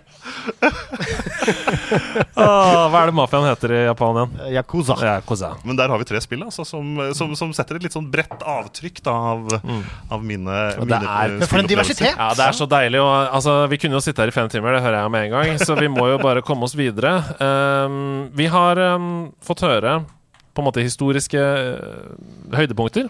Men hva spiller du nå? Hva er det det går i nå om dagen? Du nevnte jo Elden Ring her. Jeg vet ikke om du er ferdig med det? Nei, altså det er jo kanskje det jeg skal nå si litt sånn forsiktig. At eh, jeg har jo ikke spilt ferdig Elden Ring. Eh, jeg, jeg kom til et punkt hvor jeg kjente at sånn Nei, nå er jeg mett. Nå, nå kan jeg ta en pause. Ja, ja, Men nå har du fått en ny venn som du kan sømme inn. Så Men, men nå er jeg jo gira igjen, ikke ja, men hvis det står fast, så er, da får du en gamertag om Nei, etterpå. jeg tror jeg har kommet liksom sånn 70-80% på veien mot, uh, mot slutt. Så, Ja. så, men men det, var, men det kom rett og slett til et punkt at sånn nå nå har jeg klart så mye. Jeg Mm. har uh, overvunnet så mange hindre. Jeg Nå, nå, nå kan jeg gå ut, og så kan jeg være sånn Ja, det var fint. Og så kan jeg fortsette. Ja, se der. Jeg viser han leggen-laget. Dere veit hva som står? Get good. Sorry. det. Tatovering, altså. Ja. Tatovering av et bonfire og get good. Men du er ikke ferdig med det spillet før du har Elden Lord. Og hvis du trenger hjelp, så er det bare å plinge på denne fyren. Mm. Eller denne fyren, for jeg er Elden Lord. Du er Lord! Hey, du er Ja, det skal dere ikke se Elden bort ifra, altså, så vi kan jo bare meldes litt om akkurat eh, det. Nei, vi er, vi er, du sa innledningsvis at her sitter tre prinser, men du sa at det sitter to lord. en prins, da. Ja. ja, var Helt korrekt. Nei, eh, det, det som jeg har spilt uh, i det siste, um, det er eh, et litt sånn interessant eh, spill som også tester litt den derre uh, system-mekanikkbiten, og det er Vampire Survivor. Og det er veldig gøy. Det har jo vært helt utrolig blåst opp på Twitch, uh, og alle Også skal spille det. sjukt. Også fra å være bare en indie-utvikler som ikke er det nåla i veggen, så har det jo tatt helt fullstendig av. Så det har vært en, en litt sånn interessant også vei inn i å prøve å avdekke liksom, liksom, ja, hvordan er det dette er satt sammen. da Så, så, så rart å ha liksom, en autoshooter, uh, bullet hell, eh, i pikselgrafikk. Uh, hvorfor skal dette være noe gøy? Så, så jeg lasta jo ned, kosta 20 kroner på Steam, eller noe sånt. Og så tenkte jeg sånn, nå må jeg bare prøve. Hvorfor er dette så stort? Og så, og så blei det litt som narkotika. Det er så bra. At det blei sånn Ja, men, ja, men, ja, men litt. En runde til, da. En runde til, da. Vær så snill, da. Det, det er flere som har snakka om det. Jeg lurer på, uh, nå kan jeg bomme, jeg tror jeg snakka med Kattekryp om det. For jeg har også testa dette her bare sånn så vidt, og jeg skjønte at her her kan du fort ryke på en hadesmell i en seb, så jeg måtte være litt Ja, forsiktig. ja. Men det, det, det, er, altså, det, er- det er noen, bare, noen sånne spill da som treffer, og det der føles ut som Det er litt vanskelig å sette fingeren på nøyaktig hva det er. I hvert fall for jeg har spilt det såpass kort, da. Men det, veldig mange som sier det. At det er liksom the shit. Uh, Vampire eh, Men, men, men der tror jeg det er så enkelt som at det er et spill som er designa for å bare trigge dopamin i hjernen. Altså ASMR, visuell spill, ding, ding, ding, ding, ding, ding, ding, ding, hvor hjernen får en slags overdose av velvære. Som er trigga av lyden, det visuelle, og hvor mye som til slutt skjer på skjermen. Så at, eh, Nå merker jeg at det er litt sånn farlig å drive og oppfordre folk til å spille spillnarkotika, men det er jo det nærmeste eh, Ja. Vi det, er her. men Altså. det som er litt fett, er at det kutter jo etter en viss tid. Så er det jo liksom Du er ferdig uansett. Husker, det er en time cutoff der, er det ikke det? Ja, en halvtime, så, En halv- kom, ja. så kommer en death. Kommer men- Reaper. Men eh, det her er jo nettopp det som gjør det spillet så interessant. For etter hvert som du graver deg dypere ned, så er det jo alltid muligheter til å komme et hakk videre. Noen nye ting. Så der her kommer det ting denne fyren ikke veit! Spoiler alert, skulle vi sagt først, men ja. Men ja, det er jo veldig mange ting som um, Jeg kjenner veldig mye igjen i Returnal. Mm. Det som også er bra i Vampire Survivors. Men det som kanskje gjorde at du ikke falt 100% for Returnal, det er at det er litt for uh, selvhøytidelig.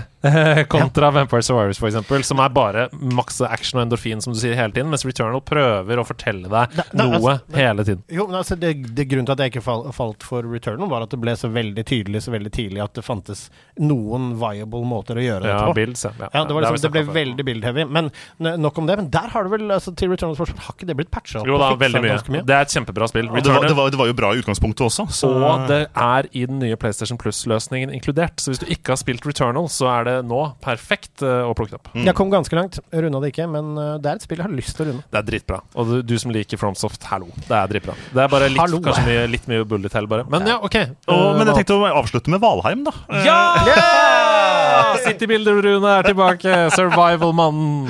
Men det er jo et, også et sånn interessant indiespill som har skikkelig bare uh, blitt stort takket være Twitch, takket være sosiale medier. Uh, og fordi at det kom på en veldig riktig tid i pandemien hvor folk var hjemme, trengte noe å spille sammen med venner.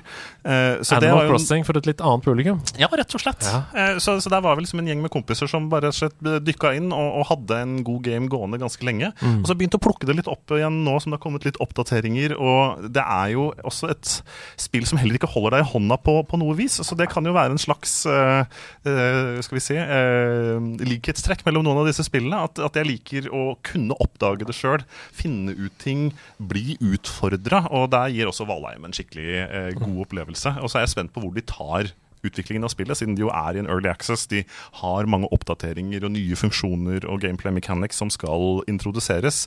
Så, så jeg er mest av alt spent på klarer de å ta den suksessen i, i mål. Så det er jo en, eh, både en eh, gift and a curse for en spillutvikler å, å, å treffe et sånt publikum. For det har jo ikke vært lett heller når de har vært to når det Ja. starta, var det ikke det? uh, å stå i en sånn storm, og så liksom klare å utvide, og så komme i mål med en sånn, en sånn utviklingsprosess. Hva syns du generelt om Early Access? For det kan jo bli en selvoppfyllende profeti at man aldri kommer ut av det. Ja, og eh, et av de liksom eh, eh, Skal vi si dårligere Eller dårligere eksemplene Eller hva skal jeg si Eksemplene hvor det ikke har funka så bra, syns jeg er Baldur's Gate 3. Hvor Larian, stort studio, massevis av utviklere, alt skal liksom være på plass til at de kjører en prosess. Og så har de uh, sluppet det, mener jeg, altfor tidlig i Early Access, sånn at nå har jeg mista all interesse. Ja. Det er ikke liksom Det er ute av, ut av hodet mitt. Jeg tenker ikke på Boulderskate lenger. Jeg har spilt det i mange timer, men Det så er er, liksom- det det ikke kommet ennå. ja, for det er ikke noe hemmeligheter ennå. Det er ikke noe mystikk knytta til det. Du lurer ikke på hvordan det er. Du Nei. vet hvordan det er.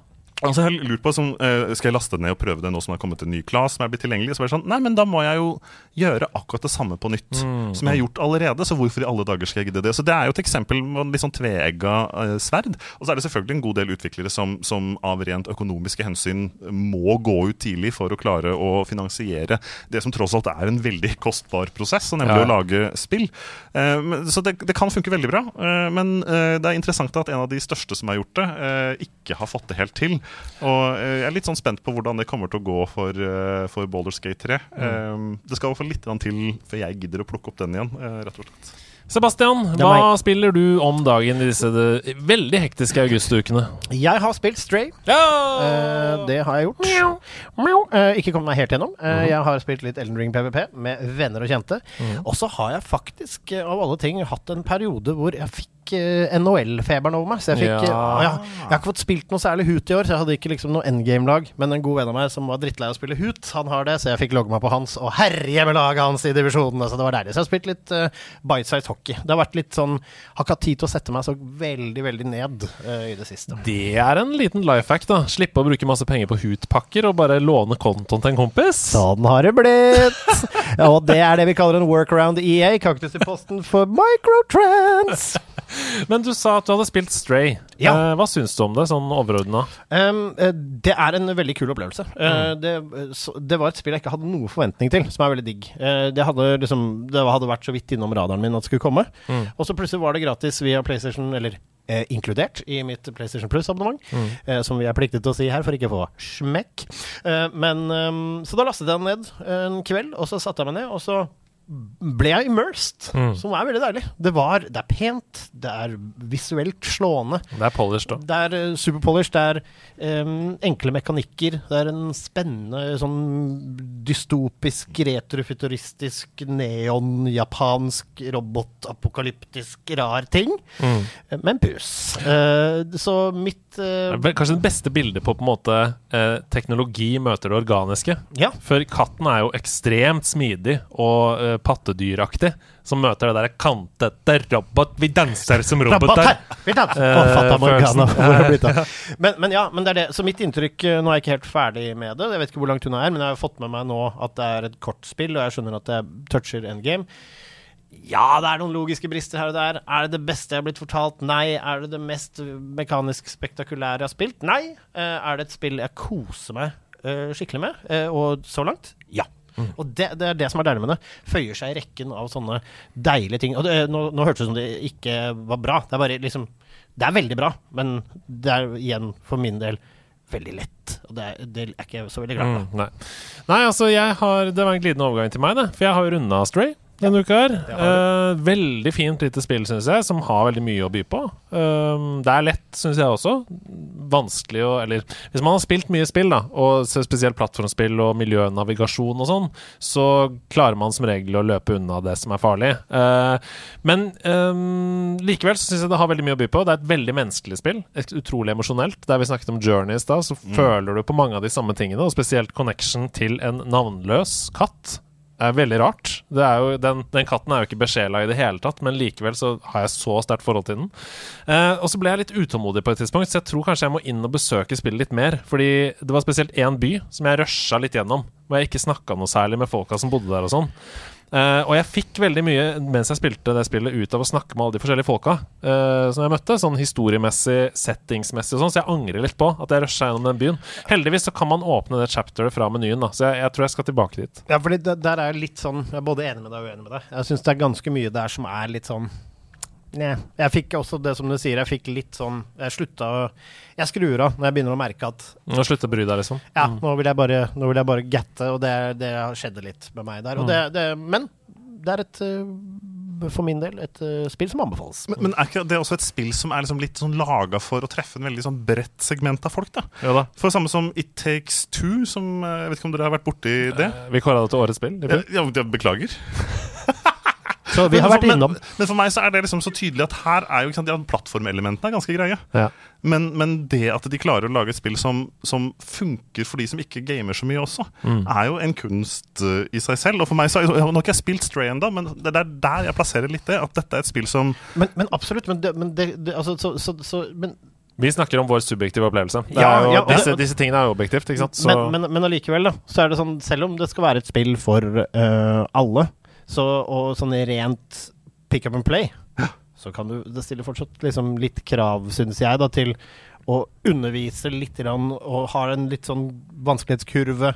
Eh, dytte ting litt sånn, og ikke minst eh, en historie, da, som er god her, men litt lackluster for min del. Men her kommer det sikkert NRK-perspektivet inn. da de, Vi må snakke om de brede massene. Ja, ja, de brede ja, ja, ja. massene. Vi eier alle NRK sammen! uh, ja. Jeg har blitt helt hekta på Fall Guys. Jeg snakka litt om det forrige uke også, men eh, det som er nytt denne uka her, er det for det første at jeg streama det på nederlandslagkanal på torsdag. Lagde custom game med alle seerne. Vi var 60 stykker. Eh, altså, vi var flere i chatten, men det var, vi fylte et helt Fall Guys-game da, med bare nederlandslagerfolk gang på gang på gang, og det var kjempegøy. Det er liksom Hvis du har 60 venner, så er det ikke noe som er gøyere enn det. Hvis du ikke har 60 venner, bli med når vi streamer på, på Ingen har 60 venner, ikke ordentlige venner. Ja, men Det må jeg det bli med på, for jeg, test, Jo jeg har testa det de siste ukene også sjøl, og det er jo en utrolig Ja, det er veldig, veldig gøy. Og gøy konsept. altså. Og det som er nytt, er at jeg blir tekta på duoshow. Og, og duoshow, i motsetning til soloshow, så blir man tildelt en partner, sånn som i Journey. En tilfeldig partner som du Enten så kan du gjøre det sammen med en venn, lokalt eller online, eller så kan du bare gjøre det over internett da, med en tilfeldig. Og det føles veldig bra. Og det føles bra av to grunner. For det første så føles det bra å kunne hjelpe en annen videre. Hvis jeg gjør det veldig bra i et minispill, så får, føler jeg Ja, nå hjalp jeg oss som team videre. Og så føles det også bra fordi jeg, det er som et ekstraliv. Hvis jeg er helt revete i et minigame og gjør det veldig dårlig, så kan partneren min eh, gi meg en exit. Altså kan hjelpe, meg, hjelpe oss videre som lag. Og så er jeg sånn oh, sorry, jeg var dårlig nå, men vi kommer videre likevel. Istedenfor den brutale sannheten i soloshow, da, der hvor du bare dør med en gang. Ikke sant? Du bommer på blokker sparke volleyballen oppe ved nettet, men så diver kompisen din bak og vikker den over, Ja, ja. og så bleier det Victory Royal, som det det- ikke heter, nok en gang. Det er en god følelse, det, altså. Eh, ellers så har jeg brukt denne uka her på å gå gjennom da, den nye PlayStation Plus-løsningen. Den som skal konkurrere med GamePass, oppdatert PlayStation Plus. Uh, og vi har snakka veldig mye om GamePass på Xbox i nederlandslaget siden det kom, så jeg kjenner litt på da at vi er nødt til å være bedre på å oppdatere oss på PlayStation sin løsning også. Uh, når det er sagt, så er min foreløpige konklusjon at jeg sliter med å finne ting i den løsningen. Og jeg vet det er veldig mye bra der, men oppsettet det er ganske klønete. Det er ganske rotete. Du må liksom Du må eh, jobbe for å finne noe som er bra. Og den lista som er sånn eh, spesielt utvalgt Ofte så er det sånn kuraterte lister. Den er ganske mangelfull. Uh, det er ti til tolv spill på den kuraterte lista. Det er for få. Så jeg håper at det blir en bedre kuratering på sikt. En slags enklere måte å finne fram til perlene. For jeg vet at det er mange perler der. De bare ligger så skjult bak en litt dårlig UI, da, som du var inne på i stad. Jeg fikk jo mm, Jeg har også oppgradert uh, abonnementet nå, men uh, så fikk jeg jo plutselig det, Stray. Bare, plutselig bare Oi, dette Her er Stray. Og det kan jeg bare laste ned. Det var, det var et positivt øyeblikk. Mm, det men det, men jeg, jeg, jeg har også gått gjennom, må må nok kanskje si jeg, jeg liker det. Det er mye ting her. Det er mye bra spill. Jeg liker at det er trials på nye Mm. spill, som jeg tror er, en- som er en veldig fin ting. Det er det lenge siden. Altså, det er som en moderne demodisk, det, Andreas. Mm. Ja, det er veldig gøy. Det er, du kan spille 20 minutter av forskjellige spill, for Men, men jeg er jo litt nysgjerrig på hva dere tenker. Hva, hva gjør denne formen for abonnementstjenester med, med spill eh, Altså Ja, det er- hvordan spill blir laga? For eh, jeg leste jeg, husker ikke hvor det var engang, men om det var The Verge, kanskje, en, en artikkel fra en eller annen amerikansk nettsted som, som mente at ab spillabonnementsløsninger er redningen for Apple og IOS, hvor alt av spill jo bare har blitt uh, mikrotransaksjonsbasert, uh, og ødelegger jo i veldig stor altså, Da maksimerer profitt er hovedpoenget. Og da var argumentet at abonnementsløsninger, sånn som Apple Arcade da, eller PlayStation Plus, uh, det nye eh, Xbox GamePass, gir en måte for spillutviklere å, å sikre seg en type inntekt uten at man behøver å, å, å rasere spillopplevelsen med Ja, mikrotransaksjoner. Jo, ja, jo, men uh, samtidig Men- må vi være vi må, eh, Spotify har jo eh, nesten ødelagt en hel bransje. Det er jo på en måte ikke noe vits å bli artist uten å spille live lenger. Fordi man ikke tjener noe som helst penger på eh, streaming.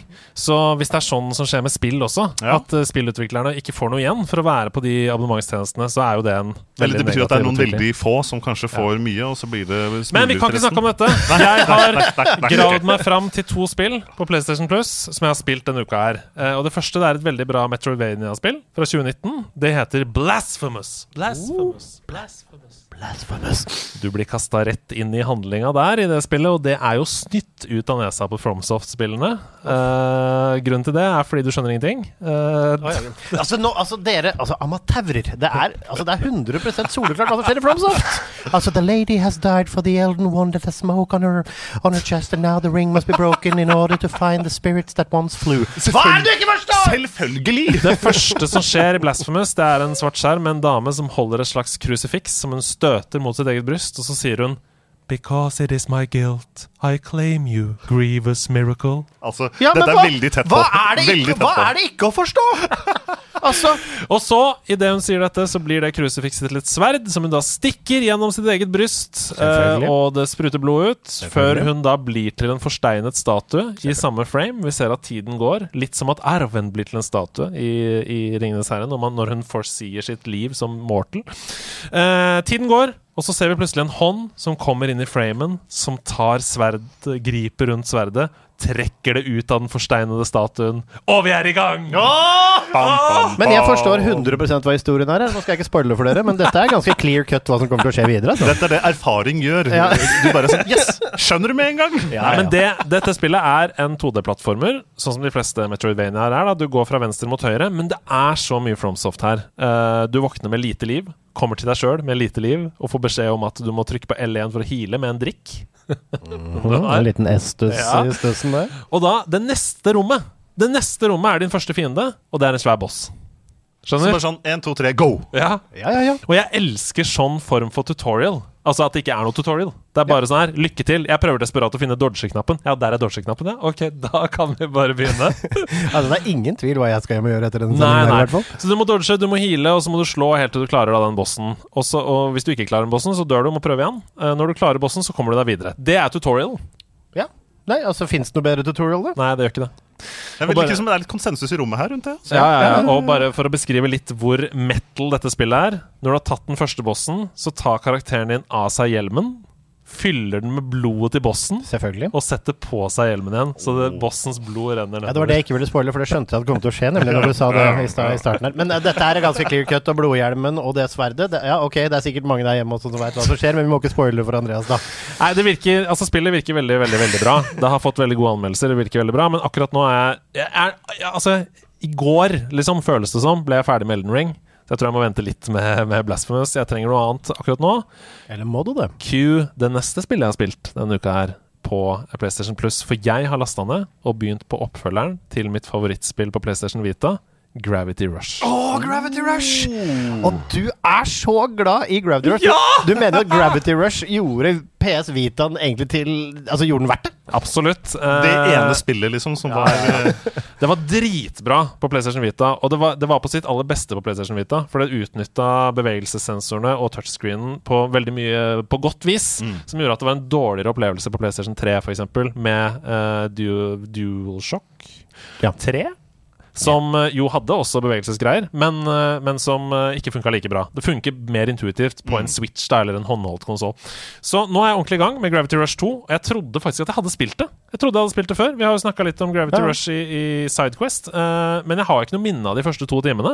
Så det er mulig at jeg ikke har det, og det er jo i så fall helt magisk for meg Ja, at jeg ikke har spilt det. Hvordan er det nå? liksom? Hvordan føler du det til Det er dritbra. Det er dritbra. Jeg digger absolutt alt med det, men jeg er fu- fullstendig inhabil. For jeg er jo frelst av denne verden. Så det er helt fantastisk for meg lov til å, få lov til å være Cat igjen, hovedpersonen. Jeg får lov til å gå rundt. Hun har mista evnene sine. Akkurat nå så driver jeg og jakter på å få tilbake evnene mine, sånn at jeg kan control gravity og fly rundt i universet der. Ah, det Ja, men, altså, den gaminga di siste har hatt et slags tema. Den. Du har jo vært to ganger cat. Ja! Tenk litt på det! Å, publikum! Goes wild.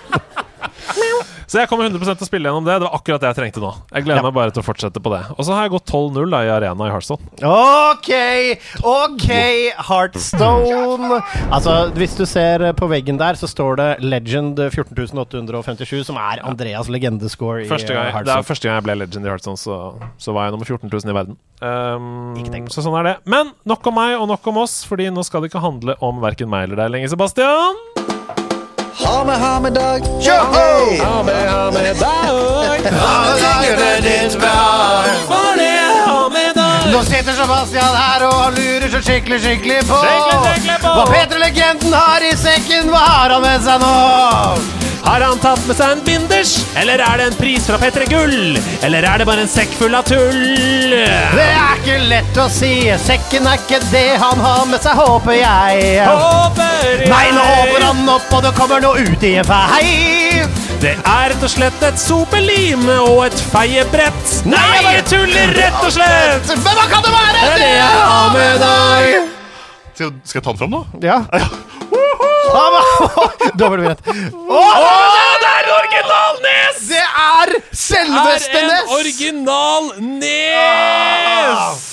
Er sak? er uh, min egen originale uh, super Nei, ikke super! Nintendo Entertainment Entertainment System. Uh, og ikke minst, det viktige er jo hva som er inni! Han åpner lokket nå. er det som er inni? Han ta lokket. trykker inn Ja. nesen. Det vipper opp. Jeg, jeg, jeg må gjøre det en gang til. Oi, oi, oi, oi. Det er den ut. originale brødboksen. Cartridgen kommer ut. Sånn liten sånn uh, Han må blåse i spillet. Han blåser Han blåser i spillet, han viser- da fram. funker det jo mye bedre. Det det, eh. For det er jo med disse kassettene altså, Når de ble litt tørre, så måtte man passe på at det var litt fuktighet. En liten eh, runde med uh, blåsetruten, så, så funka ting. Men jeg klarer ikke å se hvilket spill det er. Nei, jeg har tatt med Double Dragon Ok, greit. Episoden er over. Fyr opp her på House of Nerds. Vi skal spille. Vi har projektor. Det blir Double Dragon resten av kvelden her. Tusen takk for at dere hørte på Nerdelands. Nei, right. Nei, eh, det, her er jo eh, litt sånn Vi er litt tilbake i retro. Det blir mye retro eh, i praten i dag. Men jeg, tenkte, hva skal jeg ta med, da?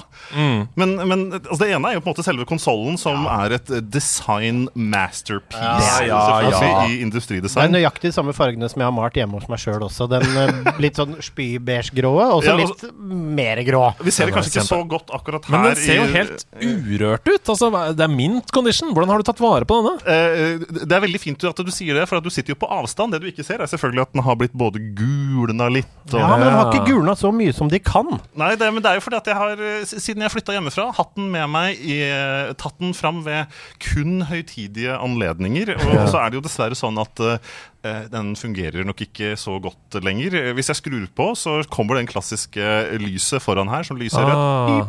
Ah, der ja, kan det blinker, ja. Men der, i Discord-communityet vårt, så har vi Ja, ja. veldig mange flinke som eh, du kan sende ut et uh, rop om hjelp, og så klart kan den fort fraktes av gårde, og så får du den tilbake i shipshape. Mm. Ja, det er jo eh, noe jeg er egentlig ganske interessert i. For sammen med Double Dragon 2, som var på en måte en av de spillene sammen med Battletoads, Toads, spilte utrolig mye. Og det som kanskje er litt sånn overraskende eh, Nei, Før jeg sier det, så må jeg også si at det beste fotballspillet noensinne er jo World Cup Soccer. Ja, ja, Som var en av de originale spillene som fulgte med på den. eh, når du kjøpte konsollen, så kom det en sånn trepakk i én. Mario, Tetris og World Cup Soccer. Og det mener jeg fortsatt er altså, noe av det aller beste. Altså, vet, du hva, det er, vet du hva, Da har du fulgt med i fotballspillenes utvikling. Det er fortsatt det mest realistiske og beste fotballspillet vi har. men, men altså, må si, apropos World Cup Soccer på Nintendo. Altså, det er jo fortsatt det eneste fotballspillet. Hvis du takler en spiller mange nok ganger, så blir han liggende. Ja, det er sant. Ja, ja, men, Han altså, dør. Og da er det faktisk sånn at da er det bare å score, da. ja, men det er ikke så langt fra hvordan det er i virkeligheten. Hvis du takler en spiller nok ganger, så blir det jo liggende. Det skulle vært sånn mer i Fifa 23, er vel kanskje øh, hovedpoenget. Nei, men øh, det, det siste spillet som på en måte er noe av det som for meg er viktig her, er jo uh, Summer Games 92. Barcelona, en av de liksom virkelig gode sportsspillene. Og, og for de som husker hvordan en Nintendo håndkontroller ser ut, så har vi disse to røde knappene. Mm. Og der var jo egentlig mye av spillet handla om å trykke fortest mulig for Mm. å komme ikke sant, enten lengdehopp eller øh, sprinting eller Jeg har, jo, jeg har jo en teori om at det spillet ble utviklet fordi de var ganske robuste, de kontrollene til Nintendo. Så at Mm. det spillet ble utviklet, og de fikk, fikk litt mersalg på kontroller. Men er er nok ikke så 92, er 92 det eneste året det var både vinter-OL og sommer-OL på Lykta? Albertville 92? Oi, Det var siste år uh, det var uh, begge deler på samtidig. Ja. Boom.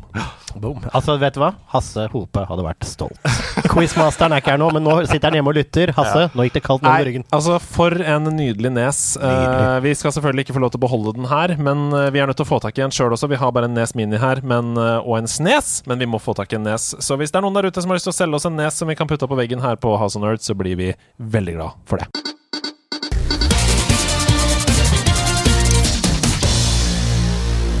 What doesn't kill you makes well.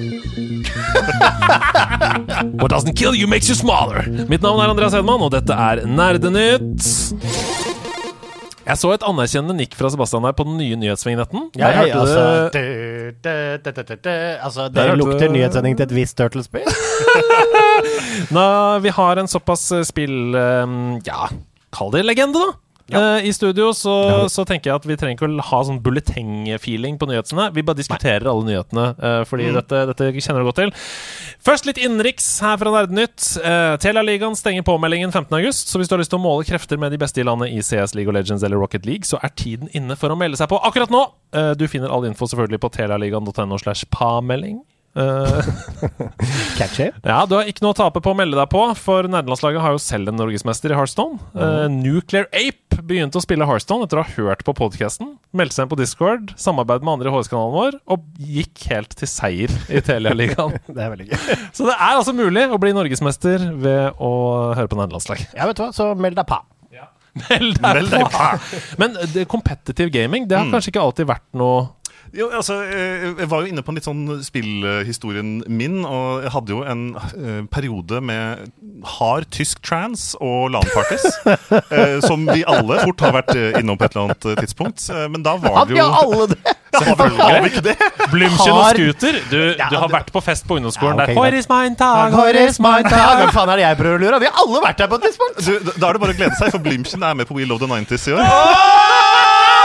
Hoit is mine Altså, Hvis ikke dagen min var høyt for dette, så er det i hvert fall høyt is mine tag nå, for å si det mildt. Men da var jo liksom Det var Quake 3 Arena, spesielt uh, Oi, ja, ja, ja. CS, eh, den gamle CS, CSN4. Mm. Uh, og kom liksom aldri til at det ble så veldig proft, men det var jo liksom LAN-party-biten. Det å møtes for å spille mot hverandre. Ja, ja. eh, det var greia, altså. Utenriks. Vi Ja. vet at spillutviklere tidligere, altså som du har snakka om med Nes, Æran og sånn, de elska å putte inn hemmeligheter i spillene sine som var skjult bak knappekombinasjoner. Vi har jo f.eks. Konami-koden. Eh, altså opp, opp, ned, ned, venstre, høyre, venstre, høyre, BA. Eh, og i mange spill da, så kunne du liksom trykke en bestemt kombinasjon på ulike steder i spillet, og da skjedde det noe i spillet. Du kunne f.eks. få ekstraliv. Du kunne finne hemmelige områder. Kunne låse opp karakterer som man ikke visste at var der i slåssespill. Eksempel. Men nettopp fordi de her eh, tingene var hemmelige, så ble de også ofte hemmelige. De baserte seg jo bare på at noen faktisk fant det og delte det. Og det var jo ikke internett og sånne ting, så man måtte jo dele det by word of mouth. ikke sant? Eller, eller spillmagasiner, da. Ja, ja, ja. Så flere av disse har faktisk forblitt hemmelige. Og det som har skjedd nå, det sprenger hodet mitt. Ja, det er den saken! Fordi i spillet Super Punch-Out fra 1994 et av de mest populære spillene til Snes, altså oppfølgeren til Punch-Out eh, Det var i hvert fall i USA, så var det jo helt utrolig. Så fant altså Twitter-brukeren Unlisted Sheets denne uka, 28 år etter at spillet kom ut, en sjokkerende hemmelighet. Okay. Hvis du går inn på karakterinfoskjermen på det spillet, fighting-spillet, og så har du kobla to kontroller til Snesen, Ja. så trykker du BY på kontroller 2 Ja. og start på kontroller 1, Ja. så blir det to player. Hæ? I Super Punch-Out er det to player. Er det Altså Så du kan spille- Skjult i Og de har ikke- 28 år! De har ikke reklamert med at det er, at det er versus? Nei! To spillere kan fighte mot hverandre med hver sin kontroller og hver sin fighter hvis man tar inn den koden. Men er det sånn det funker faktisk, eller? Det er lagd. Det er, det er en mode. Men hvorfor i salte satan har ikke utviklerne reklamert med det? Ingen har visst om det i 28 år. Altså, Hvordan har de klart å holde kjeft? Altså, vet du hva? Altså, folk som sier at konspirasjonsteori ikke kan være sant fordi ingen hadde klart å ikke si noe. Alle de som lagde Punch-Out, har jo da hatt en viktig funksjon i et fighting-spill tilgjengelig! Altså versus. De Altså- to lokal ko mot hverandre. Velg Altså, din egen så, fighter. Coop, liksom, ja. Ja, ja, så spill mot hverandre, slåss mot hverandre i punch-out. Boks mot hverandre. Men dette er jo forbi en sånn vanlig easter egg, liksom. Ja, ja. Dette er jo en sentral funksjon, en feature i spillet som de bare sånn Nei, vi trenger ikke ha det. Nei, det Ja, fordi Vanligvis når du gjør sånne ting, så er det sånn Altså, du kan noen ganger finne en liten hemmelig, et lite hemmelig level, eller så kan du liksom få masse liv og sånn, men dette her er det som Hva om vi skjuler en av de viktigste funksjonene i et fighting-spill bak en litt sånn gøyal Men- kode? Men altså, eh, utviklerne har jo ikke uttalt seg her, og det folk spekulerer i nå, det er at eh, de ikke syns det ble så polished som de hadde håpet. ikke sant? Sånn at de, de, de la det bak en sånn betatest-greie, og så fjerna de det bare aldri. Ja. er det noen folk nå tenker at kanskje har Ja, for det er ikke så jævlig bra. Mulig, ja. Jo, det er det! Men ikke bra nok i, i Nintendo sin standard. Men Og Nintendo har helt veldig, fint veldig altså, høy standard. Du kan helt fint Det er like bra som eh, Versus på, i Tekken, liksom. Tekken, de første spillet. Altså, ok, nå, vet du hva? Dette, dette gjør meg i aller høyeste grad forbanna, egentlig, på mange måter. Eh, altså, dette betyr jo at for alle som jobba som anmelder på den tiden, nå må de jo åpne opp punch-out-anmeldelsene sine. Tilbake. Altså, det er, re, altså, det er, Revidere! Det er revidere, det må Revidere, revideres. Dette, altså, det har vært toplayer hele tiden. Det er bare vi som har vært for tjukke ut av serie. Ja. Ok, folkens, revider anmeldelsen deres. Pacman går i fotsporene til Sonic og får sin egen langfilm. Oh, yes. Det skriver Hollywood Reporter i en egen eksklusiv sak. Og det høres ganske sannsynlig ut, fordi prosjektet er visstnok et samarbeid mellom Bandai Namco og Wayfarer Studios. Eh, De er per nå mest kjent for å lage Disney Pluss-filmen Clouds, så det er ikke derfor det høres mest sannsynlig ut, men grunnen er at filmen skal være basert på en idé av Chuck Williams, og han jobba også med den første Sonic the Hedgehog-filmen. Så det tyder jo på at det blir noe i samme gata som Sonic-filmene, altså live action. Du har ekte mennesker med en dataanimert Pacman. Vet du jeg ønsker å si en ting, jeg. Tanker? Um, Hvilke tanker har man der? Ja, kan jeg få tenke først? Takk. Er det én spillkarakter jeg har tenkt at ikke trenger å fortelle en historie på en og en halv time, så er det Pacman! eh, altså, det har vært tegnefilmer og mye Det har vært mye Pacman Fever Pac-Man Altså, det har vært mye rundt det der, men det er ikke greit, liksom. Altså, Men det hva med en sånn- postapokalyptisk historie der Pacman spiser verden? Eller et uh, nært hjemmestående drama med Miss Pacman, da. Det kan jo også Åh, også litt sånn Hva med Vennerød med Miss Pacman? Og Pacman, Pac begynner å ruse seg og ja, er det sjokolade på så er det Maser som sjokolade et på lokomotiv! Kan vi ikke bare ha en hyggelig middag i dag, da? Ikke heter du vasker opp på håret? Altså, jeg vil se den Altså, det vil jeg se. Apropos Det hadde overraska meg, i hvert fall. Det hadde vært, altså, det, jeg tror ikke de tør å gå ut på den uh, legenden, men hvis Vam og Vennerød har fått regi og manus på den nye Pacman-filmen, så skal jeg faen meg se den. uh, Sinfor skriver i chatten her på Twitch Pacman spiser jo bare piller. Uh, Ok, greit. Og så, og så ja. kjemper han mot sine spøkelser. Dette er allerede en Vam og Vennerød-film! Jeg blir helt mind blown! Ok, eh, Apropos Sonic. Paramount avslørte denne uka her at Sonic the Hedgehog 3, altså den tredje filmen i trilogien om Sonic the Hedgehog, har premiere 20.12.2024. Så sånn har altså filmbransjen blitt, at man må si at de skal ha premiere om to år og tre måneder, den nye Sonic-filmen. altså. Ja, altså, Sonic-filmen sånn sånn kan jeg jo kaste inn for de av dere som ikke har sett den. Ligger på Disney Pluss. Den nye Snipp og Snapp-filmen var jævlig bra! Ja, men Det er en av de få eksemplene hvor man kan ta noe, og så gir man eh, en sånn historie, figurer, til noen som, som faktisk tør å fucke med det. da. Ja, Det var dritbra! Og det er liksom en film som altså, Alle som har vokst opp med å se Disney på julaften, Snipp og Snapp, dette er ikke det, altså. Nei, nei, dette handler om liksom De spilte liksom i den serien, og nå er, Nei, altså, vet du hva? Jeg skal ikke spoile noe. Se det. på det. Se det. Etter fem år så har endelig Valve lagt til support for Nintendo Switch sine Joy-Cons i beta på Steam. Eh, Det skjedde med en oppdatering 5.8, og Joy-Consene kan nå både bli brukt individuelt som en minikontroller, eh, altså sidelengs, eller som én kontroll når de settes sammen. Så hvis du har lyst til å teste dette, så må du gå inn i beta-klienten til Steam. Gå inn på innstillingene, velge account og huke av for da beta participation. Eh, Etter dette må du trykke på Steam beta update og restarte Steam, og så er du i gang. Da kan du bruke alle funksjonene som Steam da tester ut før de når massene. Og dette er jo veldig gode nyheter for spillere som kun har PC og Nintendo Switch, og det tror jeg faktisk er en del. Ja. Fordi det er ganske mange som spill man kan spille på PC, men spillene på Nintendo de kan du bare spille på Nintendo. Så jeg tror den kombinasjonen Switch og PC er ganske vanlig. Så folkens, alle nå som kun har tilgang på Joy-Cons som håndkontrollere, kan nå bruke de på spill som er klart best eh, spilt med kontroller, f.eks. Fall Guys på PC. Ja. Det er jo veldig mye bedre med kontroll enn det er med tastatur og, og mus. da. Så nå kan du koble Joy-Cons til, til Altså, vet du hva? Tilgjengelighet, det er vennlighet. Tommel opp. Vi skal til været her i Nerdenytt, og på spillhorisonten denne uka her så befinner det seg selvfølgelig flere artige utgivelser.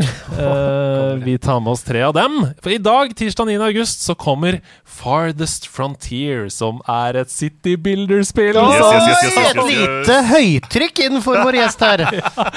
Sånn som SimCity, da, eller City Skylines. Det er satt til et øde land, langt tilbake i tid. Du begynner med en liten gruppe nybyggere som strander her om å bygge samfunnet opp fra bunnen av. Eh, Og Samtidig som du bygger den byen, så må du selvfølgelig sanke mat i sommerhalvåret og oppbevare den, sånn at den ikke råtner til vinteren. Eh, og så må du um, tenke på hvordan du ikke skal overprodusere, sånn at jorda blir ødelagt og ikke kan produsere neste år igjen. Samtidig som du må selvfølgelig forsvare deg mot tyver og andre stammer. Nå, altså, nå kan jeg se, Mens du snakker nå, så kan jeg se en gjest i studio her som allerede planlegger hvordan han skal klare å sjukehusmelde seg tre- tre-fire uker her. Jeg føler meg litt sånn eh, dårlig i morgen. jeg. I dag, Åssen var det igjen? Ja, du, får, litt- du har litt kremt, du nå.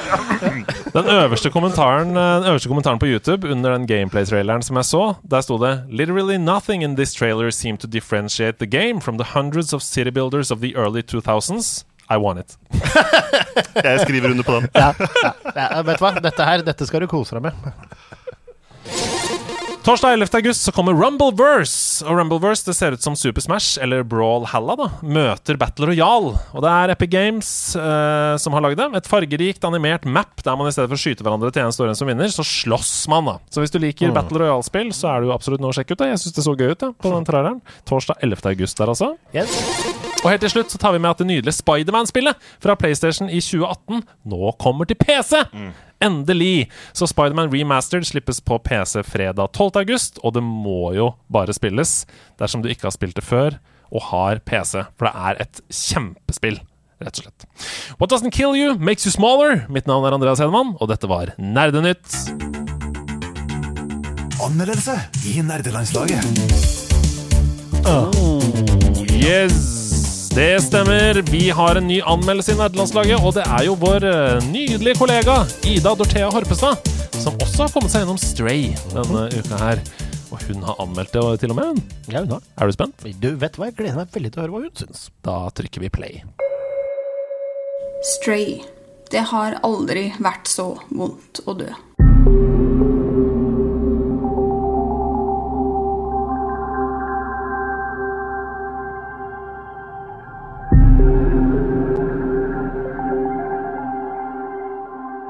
Vi har vært mange som har venta på Stray, eller det nye kattespillet, som noen har omtalt det som. Sjøl så har jeg helt ærlig ikke lest meg opp så mye på hva dette spillet skulle innebære før det kom, men ordet kattespill har jo en del assosiasjoner. Da tenker jeg gjerne på spill med barn som målgruppe, enkle spillmekanikker, fokus på søte lyder og dagligdagse oppgaver som mating og soving. Heldigvis, siden jeg ikke er et barn, er Stray alt annet enn en kattetamagotchi 2.0.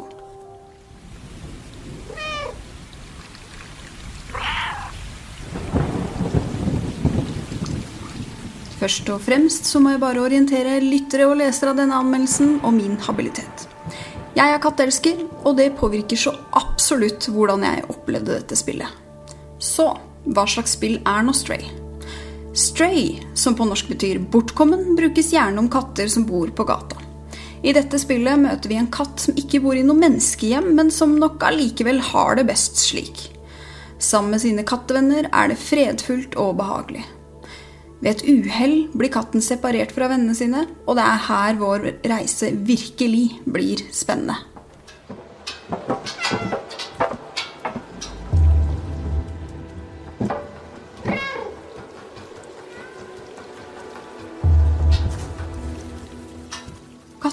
Faller ned til undergrunnen av vår verden, som har blitt dramatisk forandra. Den har et slags postapokalyptisk preg. Hva som har skjedd og hvorfor, er et mysterium som gradvis avsløres når jeg, katten, kjemper meg opp og tilbake til vennene mine. Ut av denne fordømte undergrunnen. Mye av historien i spillet baserer seg på figurene vi møter på veien. Venner, fiender og allierte. Den viktigste hjelperen, B12, en drone som også ønsker å frigjøre verden fra undertrykkelse og bevare menneskets minne. Mer enn det her ønsker jeg ikke å spoile fra historien, for den bør oppleves gjennom spillet sjøl. Gameplay i Stray er veldig enkelt å håndtere. Man kan gå, løpe, mjaue og hoppe der det lyser opp markør. Dette gjør det enkelt å navigere opp og ned i bygninger og forstå hvor du skal hen. På den andre siden gir det begrensninger. Man kan ikke utforske overalt, og det føles ikke ut som en open world for meg. Det blir litt som å boble uten renner. I store deler av spillet har katten en ryggsekk som muliggjør at man kan finne items og løse flere puzzles. Ved hjelp av dronen kan man også snakke med de andre karakterene i spillet.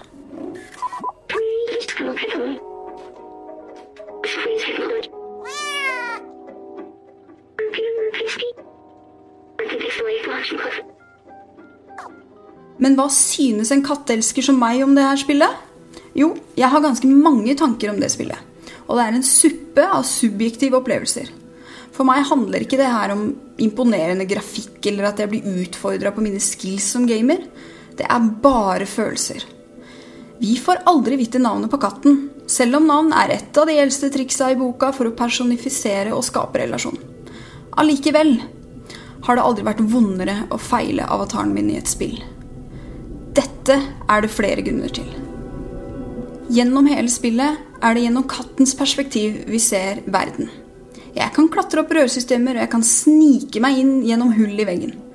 Men jeg er også begrensa til hva en katt kan gjøre aleine. Jeg forstår ikke hva som står på skilt og bygninger. Jeg forstår heller ikke hva de andre karakterene sier, uten hjelp. På et tidspunkt i spillet, der jeg hadde blitt vant til å ha med en tolk og hjelpemidler, var jeg plutselig helt aleine igjen. Det var da jeg virkelig fikk kjenne på hvordan det var igjen. Det å være bortkommen uten å forstå.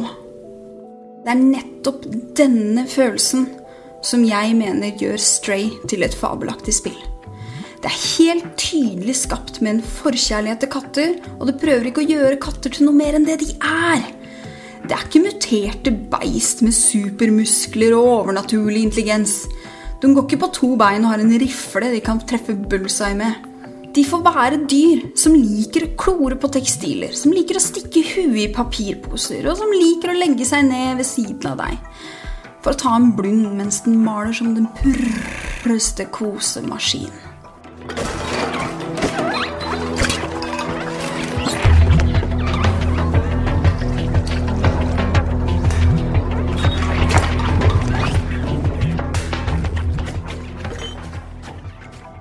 Jeg mener Stray er verdt de få timene tar å spille seg gjennom historien, og vel så det.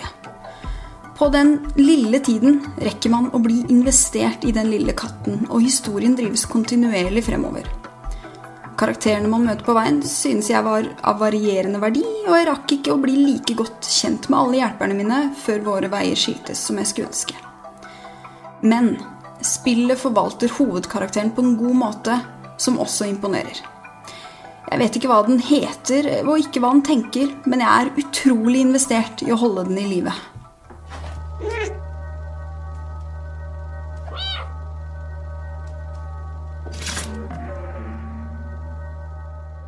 Selv om jeg vil anbefale spillet, så sitter jeg likevel igjen med følelsen av at det her kunne vært så mye mer. I framtida vil det være spennende å se om noen tar opp stafettpinnen etter Stray. Kanskje noen våger seg på å lage et virkelig open world, samtidig som de ivaretar koden de har knekt i dette spillet. Der de lar katt få være katt. Verdens beste dyr. Jeg gir Stray 80 av 100 epler.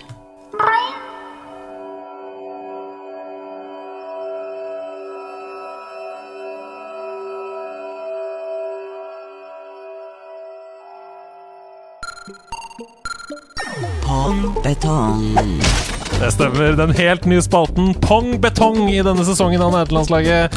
Der hvor vi utfordrer de i studio til å gå en runde med pong i kunnskap mot hverandre, helt til den ene treffer betongen fordi man ikke lenger husker noe innenfor temaet som blir gitt. Så forrige uke så gjorde vi dette for første gang. Det var meg mot Hasse i da eh, temaet Pokémon i generasjon 1. Hvor man da skulle nevne annenhver Pokémon helt til den ene ikke klarer noe mer. Og denne uka så er det jeg som har forberedt tematikken. Og dette har ikke du forberedt meg på. Nei da, på ingen som helst måte. Uh, så det som kommer til å skje nå, det er at jeg sier et tema, og så peker jeg på en av dere, og så må du, vedkommende da si uh, noe på det temaet, og så går ballen over til den andre. Og nå ble jeg litt sånn Vi skal spille rett og slett en slags altså, Vet du hva, jeg ble nervøs sjøl. Altså, det, er, eh, dette er, det er så lett å få jernteppe på sånne ting. Så her er fallhøyden stor, men det er klart jeg har lyst til å knuse det. Det dere skal konkurrere i i dag, helt til noen ikke lenger klarer det, det er Og det er Sebastian, det er du som skal begynne. Det er karakterer fra Mario-universet. Vær så god. Mario. Luigi. Peach. Toad. Bowser. Valuigi. Koopa Troopa. Du sa Bowser. Og nå begynner det å tikke her. Vi trenger en Eh, karakter. Prinsesse Luna. Prinsesse Luna. Bobomb. Bobomb, ja. ja. Og tiden går ut. Tre, to, én. Nei, der. Og der treffer vi betongen! Men prinsesse Tenkte du på Rosalina? Eller tenkte Nei, men Er det ikke en som heter Luna også? I- i- Prinsesse Luna, hvilket spill? Altså, det er jo Super Mario Galaxy i så fall, men det kan jo hende at jeg med andre ord røyk ut litt før jeg trodde. da Ja, for da, hvis det er i Super Mario Galaxy, så er det s- Rosalina. Det er ikke prinsesse Luna. altså, jeg kunne fortsatt. Yoshi Men du, bl- du blander, vet du, for de små, de små figurene heter Luma, og så er det Rosalina. Så det er Luma og Presa. Men gratulerer, Sebastian! Han henter den hjem, og det er deilig. Altså um, Vet du hva? Jeg tar, det er peak form, det er det det er. jeg tar de seierne jeg får. Denne trodde jeg skulle bli litt verre, faktisk. Men det er, det er Men det, det for alle som nå lytter og tenker sånn Herregud, kom han ikke på flere? Jeg sleit etter liksom i det Altså, det der, dette er en sport! Prøv det sjøl før du dømmer. Ja, det var, det er, å sitte i den stolen er helt forferdelig. Og eh, 150 første Pokémon Jeg klarte jeg, jeg vant den, men eh, jeg sleit allerede på Weedle, ja, altså, så det var eh, Ja. Men så sneik du noen odders, si. Det var faktisk Lapras som ga meg seieren. Lapras, altså. Det gir deg alltid seieren, det. Både i spillet generelt og i den øvelsen. Men det er synd, Rune. Du må hjem og øve. Ja, jeg må nødt til å skjerpe meg, rett og slett. Ja, det er en viss skam. Well, actually, surely what you're saying is a balderdash of ox's feces, sausage tissue, urine talk. On, on the contrary, no, no, no, no. I beg to differ! De nerde strides. Det stemmer. De nerde de strides, og de kommer til å fortsette å strides denne sesongen her. For eh, når vi har gjest, så har vi med oss eh, en kontroversiell mening. Og hva er det du har tatt med i dag, eh, Runis? Nei, Jeg må jo være sann mot det vi har snakket om tidligere, nemlig at jeg er en gamer som setter pris på systemer hvor jeg kan utforske spill som ikke tar meg for mye i hånden. Og da må jo det være en litt sånn breiside mot det jeg kaller interaktive filmer. Oi! Så min kontroversielle mening er at uh, det er nettopp det de er. Å ja. Og at uh, narrative, uh, lineære historier, som er egentlig en multiple choice-historie, faller litt utenfor den definisjonen av spill, uh, hvor spillets egenart gjør uh, sitt inntog. Altså vi Telltale, liksom? Er der Telltale, uh, Ja. jeg tenkte Life is Strange, True Colors, som jo er en fantastisk historie. Ja, ja. Men eh, for meg så blir det et eh, Wow. type spill som Eller det, nå, nå, nå snakker jeg mot meg sjøl. Det blir en type fortelling hvor de spillunike tingene som skiller spill som kunstmedium Fra film? Fra film, fra andre visuelle medier, eh, ikke gjør sitt inntog. Men her skjønner du, her skjønner du. Uh, her tror jeg faktisk at jeg og Andreas kan uh, også komme til å strides litt, fordi jeg er ganske enig med deg. Oi. Eh, faktisk. Altså, dette jeg hadde forventa mye motstand her, Ja, så for det, dette- det, det er en god start. Men dette har jeg tenkt på selv. Og så er det sånn hvem, altså, Men uh, her i, de, i denne spalten skal vi tørre å stå litt i meninger. Ja. så er Det sånn at det er ikke det at man skal ta fra de uh, rettigheten til å kalle seg en, et, spill per def, men det at du legger inn at du går litt sjøl imellom, eller sånn før du liksom gjør de tingene, det er uh, Du er inne på noe her. Men hva er det som skal til da for at det er et spill? At det anerkjenner deg som spiller? Jo, for da, da- må vi snakke litt om hva er det som er helt unikt for spillmediet. Og det er jo nettopp muligheten til å gjøre egne valg som påvirker helt uh, unike systemer. Hvis det er en ø, blad til side fire hvis du velger det, eller blad til side åtte hvis du velger det, så mener jeg at det ikke når terskelen da, Ja. for hva et uh, spill, eller en, en interaksjon, hvordan den påvirker spillopplevelsen. Okay. Og da syns jeg det er litt interessant sånn, å ta fram Journey igjen, da, som, som jo Det har jo en ganske sånn rett fram greie, 100%. men likevel så ligger det noe helt unikt som du ikke kan oppleve noen andre steder. Og for en del av disse interaktive filmene så kunne man skapt en tilsvarende sterk emosjonell historiefortelling. Uten disse valgene. Eh, Så jeg mener jo at det må være en litt sånn bevissthet rundt hva er det som gjør spill unikt? Hva er det som skiller det fra Hvorfor det? andre Hvorfor må det være det? Eh, Fordi jeg er opptatt av at spill som medium også må få den anerkjennelsen eh, nettopp pga. sine unike eh, elementer. Og, eh, og så er det ikke det at jeg tror at nødvendigvis at hvis vi sier at Life is Strange, True Colors eller Telltale Games sine spill eh, Apropos eh, historier er eh, helt tom for det. Men, men det når ikke den terskelen, tror jeg, som gjør at vi kan si at dette får du kun opplevd i spillenes Ja, verden. men, men jeg tror liksom ikke Jeg tror det er der da, man, altså For min del så roter det til. For jeg, jeg tror ikke man kan For min del kan man ikke ta, de, ta fra definisjonen spill. For du kan i mange av disse kanskje gå på en feil, eller sånn og sånn, og du kan liksom forme det. Og jeg, jeg er helt enig i hvor du kommer fra, men et spill er jo definert hvis man skal definere det, så er det at du tar kontroll over noe rent fysisk gjennom en Ja. kontroll, og spiller karakteren. Så det, så det tror jeg ikke man kan ta fra det. Men det at om det egentlig Åh, det, ja, ikke sant? For her kommer de nærmere Altså, nå strides de Ja, nærmere ja. i meg selv. Jeg skjønner ikke helt hvorfor det er så viktig å definere hva som eh, Jeg skjønner ikke hvorfor det er så viktig å definere at dette må være på plass for at det skal være et spill. Fordi du vil jo ikke si Nei, dette er ikke et teaterstykke. Fordi de går ut av salen, og plutselig er vi utafor scenen. Eller dette er ikke en bok, fordi det og det skjer. Eller dette er ikke et musikkstykke, fordi plutselig så ber uh, musikkstykket deg om å skrive musikk. Fordi det er en del av opplevelsen av musikken. Er Så jeg syns jo, jeg syns jo at man ikke skal devaluere uh, spillmediet som uttrykk, bare fordi det ikke oppfyller noen, eh, noen eh, på en måte Hva skal jeg si Noen krav som krav. Rune Haakonsen har satt Men, vet for hva? hele mediet! Men, men, nei, men, men Rune Haakonsen har et godt poeng. Fordi er da fordi da, da må vi også Da må vi gå andre veien, da. Ja. Er egentlig interaktive filmer spill, da? Fordi du trykker jo faktisk på en knapp og velger i Bandersnatch skal han gå til venstre eller høyre. Ikke sant? Eh, eller i Bear Grill Surviving. Altså Det er noe av det jævligst dummeste Men, jeg veit om. Men, eh, men da, da er det jo et spill Det per def, da. det koker tilbake til Jeg skjønner ikke hvorfor man skal definere det. Fordi uh, det er kulturuttrykk alt sammen. Hvorfor kan det ikke bare få lov til å være det? Ja, men altså det blir Altså for meg, da, så, så, så det er jeg jo for så vidt enig i. Men jeg vil sammenligne litt med altså Det er forskjellen på å komponere musikk og synge karaoke på en eller annen måte. Skjønner du hva jeg mener? Der hvor du liksom Der hvor det er sånn Her kommer, bok, her kommer ordene du skal synge. Det kommer vel litt an på hvem som opplever det. da. Hvis den som opplever det, får en fantastisk opplevelse av noen som synger karaoke for deg, så er det fortsatt et kulturuttrykk for vedkommende. Jeg Ja, men nå Og så er det jo hva- hva- utrolig viktig å si at det, det er jo ikke å, å dermed ta bort fra at det, uh, Telltale Games eh, spilt mange av de historiene, Mm. som er fantastiske historier. Jeg engasjerer meg i det eh, og, og, og kjenner at dette er historier som treffer meg.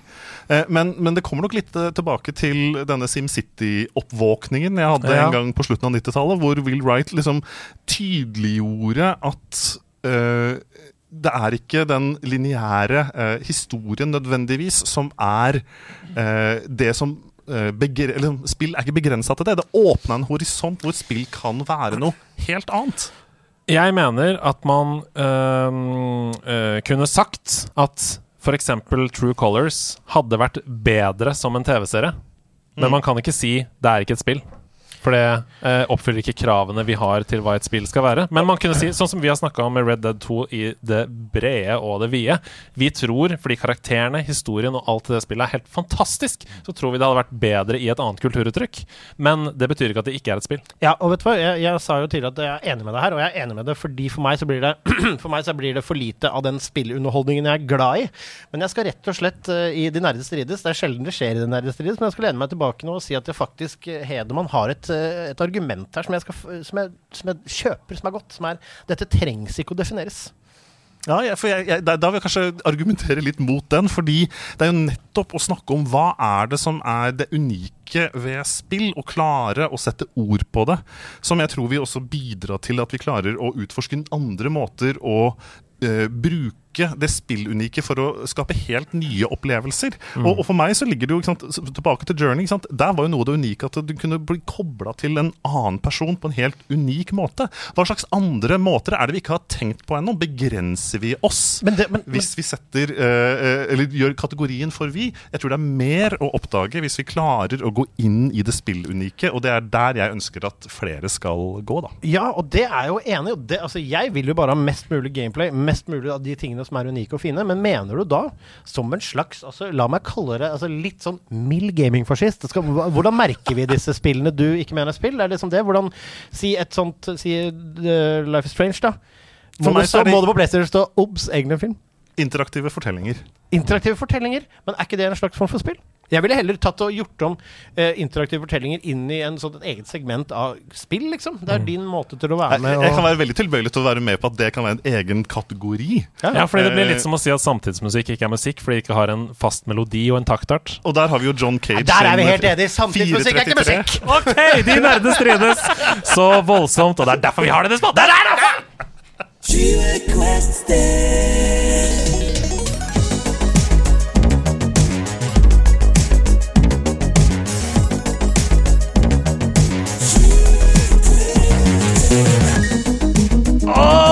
Bare la den gå litt, for 20 Quest Steps er ny av sesongen, og denne sangen her er jo helt Bare la det gå. Altså, dette her er musikk i mine ører. 20 Quest, det er det du hører. Altså, du, her kan vi gjøre ja, ja, ja, ja, det er klart det blir låt av dette her! Altså, vet du hva? 20 minutter med dette nå, så er vi der.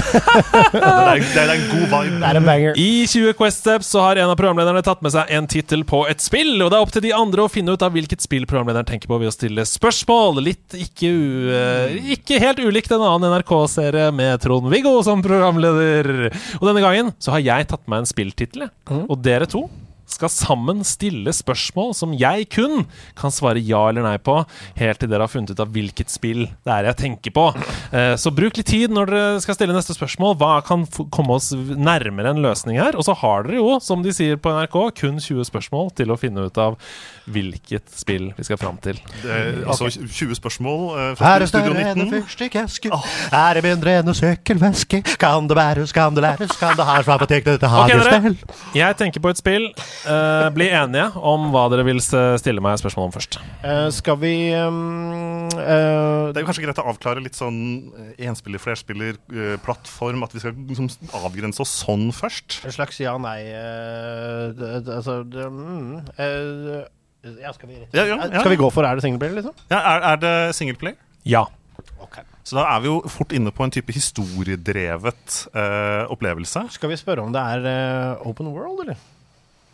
Skal vi det? Ja, gjør det. Ja, Er det open world? Nei. Ok, så da er det lineært. Jeg holder tellingen på spørsmålene her, som dere ser, på min venstre hånd. Er det et konsollspill? Ja. Men Ja, men han, han, han, han nølte litt, så det Men- kan være flere ha- steder, ja. Det kan være altså eh, Er, det- altså, vi må vite noe om tid her. Skal vi spørre om det er fra før 2010? 15? 2010 eller 15? Ja, ja. 15 eller 2010, hva vil du vite? Å, øh, ti. Ja. Er det før 2010? Ja. Ja. All right. Eh, og da vil jeg tippe vi skal i en, en retros verden her, eh, vil jeg tro. Skal vi rett og slett bruke Vi har 20, skal vi bruke et spørsmål og spørre om dette er fra Nintendo, eller? Gjør det. Eh, Fordi det, det er jo liksom retro haven. Nei, vent! Fordi han måtte tenke om det var konsoll. Jo, for da lurer jeg på om det kan Ja. være altså alle, alle Om det er på plattformer. PC, og ingen Nintendo-spill er lovlig på PC, Nei, sånn sett, med mindre han tar med emulator og legger i år. Um, Eh, er det en mannlig hovedperson? Ja. mm, fint. Mhm. Jeg kan si, for å definere, da det, det, I utgangspunktet kom det uh, til konsoll. Det er senere også kommet til PC, men vi tenker ikke på Altså. Skal vi nå spørre om dette om det er en shooter? Do it. Er det en shooter? Det blir feil å definere det som en shooter. Det er ikke ja. Er det større enn en sykkelveske, kan det defineres som en shooter. Um, ok, er, er, kanskje vi skal øh, snevre inn tidsaspektet litt. Eh, det er før 2010. Skal vi spørre om det er sidescrolling? Er det sidescrolling? Nei. Ok. Det, det setter en presedens, ikke sant? Er det et uh, rollespill? Uh, nei. Da var det ikke det jeg Tenk må, må en annen retning her. Og nå er vi på åtte. Ja da, dere har tolv spørsmål igjen, så det Originalt et konsollspill. Skal vi til uh, Nei, fordi det kom Ja, men det er flere spill Altså, derimot på Nintendo 64 så er det vel en del titler som kom Som har blitt porta til PC. Har, er det ikke det? Sånn, har ikke de noen sånn tredjepart Men da kan du jo spørre om uh, for å utelukke den, da. Er det på Nintendo 64? Uh, Nei. Okay. Nei. Um, er det fra før år 2000? Nei. Ok, så da har vi fått snevra det inn. Okay? Da, er det, da er det mellom 2000 og 2010. Hva er konsollene vi har der? Det er original til konsoll. Hva er konsollene som herjer mellom 2000 og 2010? 2006 kom vel PlayStation 3. Så da er vi på PlayStation 2 her, da? Eller, eller Xbox, eller Ja, for det, det jeg lurer litt på da eh, Det var en mannlig hovedrolle. Det var, du, du svarte litt ullent på dette om det er en shooter, så det kan jo hende at det er skyting involvert, men ikke nødvendigvis hovedpunktet. Mm, Det blir feil å definere det som en shooter. Eh, er det laget en film av denne spill, eh, dette spillet slash spillserien? Ja. Altså, professor 20 spørsmål! Han har jobba i NRK! Du, har, altså, du og Trond-Viggo spiser lunsj sammen. Det er tydelig å merke nå. Drømmen min har jo vært, med, vært å være med i 20 spørsmål. ja, det, altså, du og Pål Bang-Han. Um, Eh, men okay, men da, da tror jeg vi begynner å, å, å snevre det inn litt. Er det fra etter 2005? Nei. men det er laget en film av denne spillkarakteren, og det må jo være da For da er det jo ikke en PlayStation 3-utgivelse. Uh, er ganske sikker på. Ja, det er jeg også ganske sikker på. Um, men en film. Ok, greit. Sebastian blir veldig engasjert her. Altså En lite sånn lys som det, kom over hodet her. det blir feil å kalle det shooter. Kanskje, altså, jeg bare tenker hadde, Nei, men hadde vi noe Assassin's Creed? Det var jo film, men det er mannlig hovedkarakter. Det har blitt laget film av Assassin's Creed. Men det kom vel ikke så tidlig, det? Nei. Det er etter det kom, eh, ja, det kom på tre, kanskje, første. Men la oss oppsummere her, da. Eh, Dere ser Det er mellom 2000 og 2005. Har dere kommet dere til- fram til? Det er ikke Open World. Har dere også kommet fram til? Lineært! lineært. Først dukket på en uh, konsoll. Kommet kommet senere. til andre ting senere. Um, skyteelementer, eh, men ikke nødvendigvis det bærende. Og det er laget film. Den filmen er lett å glemme, men uh, Det er laget Det er de ofte, disse gaming... Nei, men Skal vi prøve å, å, Ja, pinpointe videre. konsollen, da? Ja, vi må jo nesten gjøre det, da. Uh, er dette en uh, Altså, skal vi si Altså, Hvis det ikke er PlayStation, må det være Xbox. Det er vel to som herjer her. Mm. Eller Nintendo. Nintendo. Ja, Det virka som du hadde lyst til å gi et lite, Er, lite er det, hint altså, det, er, her. det er ikke på GameCube? Kan det være? Nei, er det tiden for GameCube, da? Men hvorfor, eh, hvorfor tror dere at det ikke er PlayStation? Hvem er det som Nei, jeg sier Nei, altså, det spørre- PlayStation. Er det PlayStation? Ja. Ja, ok. Men Fuck. Men da er vi jo inne på PlayStation 2. Ja. Uh, mm. uh, PlayStation 2. Uh, det er ikke en shooter. Eh, hvor mange spørsmål har vi igjen nå? nå har dere syv spørsmål igjen. Jeg har lyst til å spørre om det er eh, Jeg har lyst til å spørre om det er en av de største titlene til PlayStation 2. Er det en av de største titlene til PlayStation 2? Det er et det, eh. det er eh, subjektivt, tror jeg. Okay, det er utvilsomt et velkjent, veldig stort spill på PlayStation 2. Det er det utvilsomt. Men om det er en av de største titlene, det er vanskelig å si. For det, det er Da tar jeg et nytt spørsmål. Mm. Nei, du, altså, du, du kunne ikke svare på det, så da skal jeg ha tilbake spørsmålet mitt. Ok. ok. Ja. Er det et horrorspill? Ja. Eh, Resident Evil av noe slag? Ja, vi er inne på der. Eh, Er det, en, en, er det er kommet det en. Da er det to. Da, Ja. da må det være to. Er det kommet en ny TV-serie basert på dette?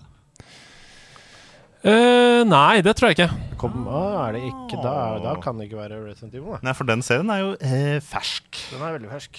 Eh, det er ikke Resident Evil, rett og slett. Fem igjen. Vi har, et horror, vi har et horrorspill på PlayStation 2. Vi har fem spørsmål igjen. Det er en mannlig hovedkarakter. Det er lineært. Eh, jeg elsker denne spotten! det er, det er, eh, det er skyteelementer, men du kan ikke kalle det en shooter. Og det er laget film av det. I alle Godt dager. oppsummert. De som hører på, gjetter sikkert febrilsk. Jeg ser at det gjettes eh, helt vilt i chatten. Da, eh, da, du må passe på at du ikke bruker noen spørsmål her nå, da. Mm. Ja, det må vi passe på. Må passe på det. Um, nå må rett og slett bare altså, Dette er dårlig radio, selvfølgelig, å gå i tankeboksen, men uh, eh, sånn blir det. OK. PlayStation 2, horror, Mannlig hovedrolle. mm. lineært. Og det har blitt film, det er det. Og den er nok lett å glemme. Så det er jo greit nok. Og det er ikke Resident Evil, det er det som er så rart. Hvilke horrortitler Jeg vet hva dette er. Dette er Silent Hill, men hvilket? Hvilket Silent Ja, ja men skal, skal vi avklare det med en gang, da? Mm, det er Silent Hill. Ja. Ja. Eh, Så da er det Silent Hill 2. Det er riktig! Det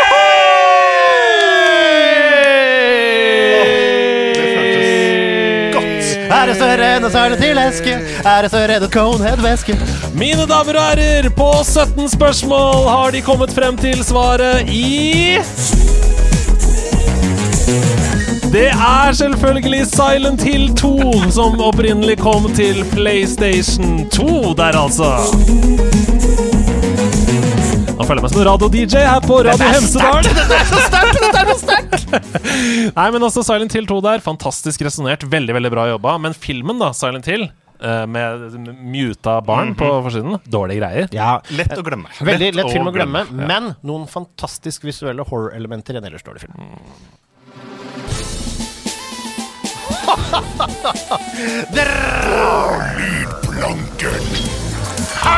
Dere små pirater! Gå ut på hver deres lille lydplanke, for nå skal dere hoppe ut i musikkmyra. Ja! Så sant jeg heter kaptein Snabeltann! For ikke bli tatt av copyright. Så.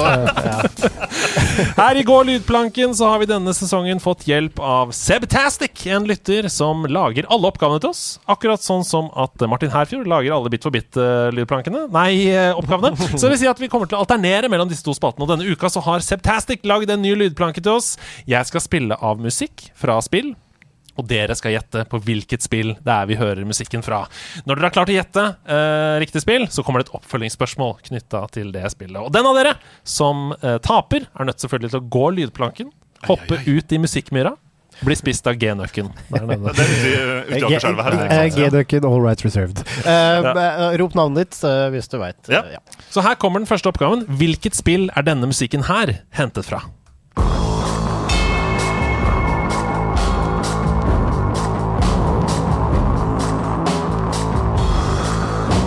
Rune, er det Command and Conquer? Å, det er veldig godt teppa.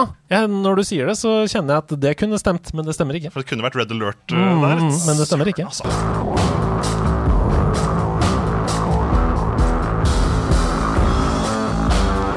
Sebastian. Um, Ja. jeg vet ikke her, altså, men dette kan det er veldig skytete. Det er veldig tøft. Det er tøft. det Er Gears of War? Nei, det er ikke Gears of War, men dere er gode.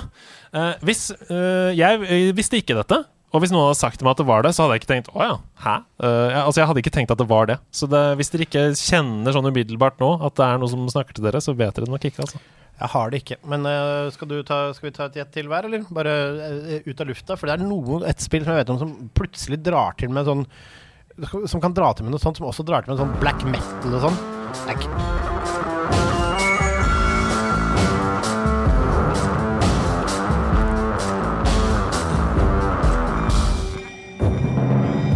Nesten lyst til å si som Watchdogs. Ja, godt teppa, tippa, men tenkt. eh, det er feil. Har du et siste tips, Seb? Ja, Final Fantasy 10. Nei da. Dette er Red Dead Redemption. uh, Undead Nightmare. Rett og slett. Fy faen, se rett bak deg. Svaret var rett bak Svaret deg. var rett bak deg hele tiden. Eh, dette er Undead Nightmare. Eh, jeg glemte også å si selvfølgelig at uh, Septastic han har jo en kode, så det betyr at det er en sammenheng mellom de tre oppgavene dere skal høre, som dere skal gjette til slutt. Hva er fellesnevneren En mellom de tre? rebus der, Ja, ja, altså. ja, ja, ja. Ja, ja, ja. Her kommer oppfølgingsspørsmålet. I Red Dead Redemption så styrer du cowboyen og outlawen John Marston. Eh, John har klart å skaffe seg både gård og kone og barn, han. Men hva heter sønnen til John Marston? Rop navnet deres når dere vet hva sønnen til John Marston heter.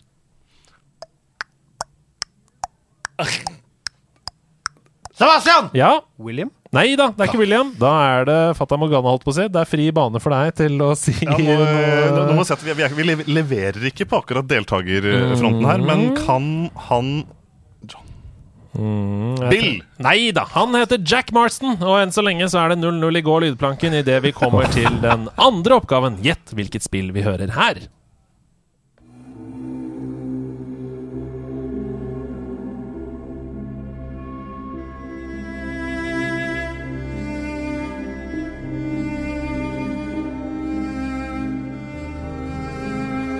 Sebastian? Er det Shadow of the Colossus? Nei da, det er det ikke. Mye mer Triple A enn det. Rune? Ja.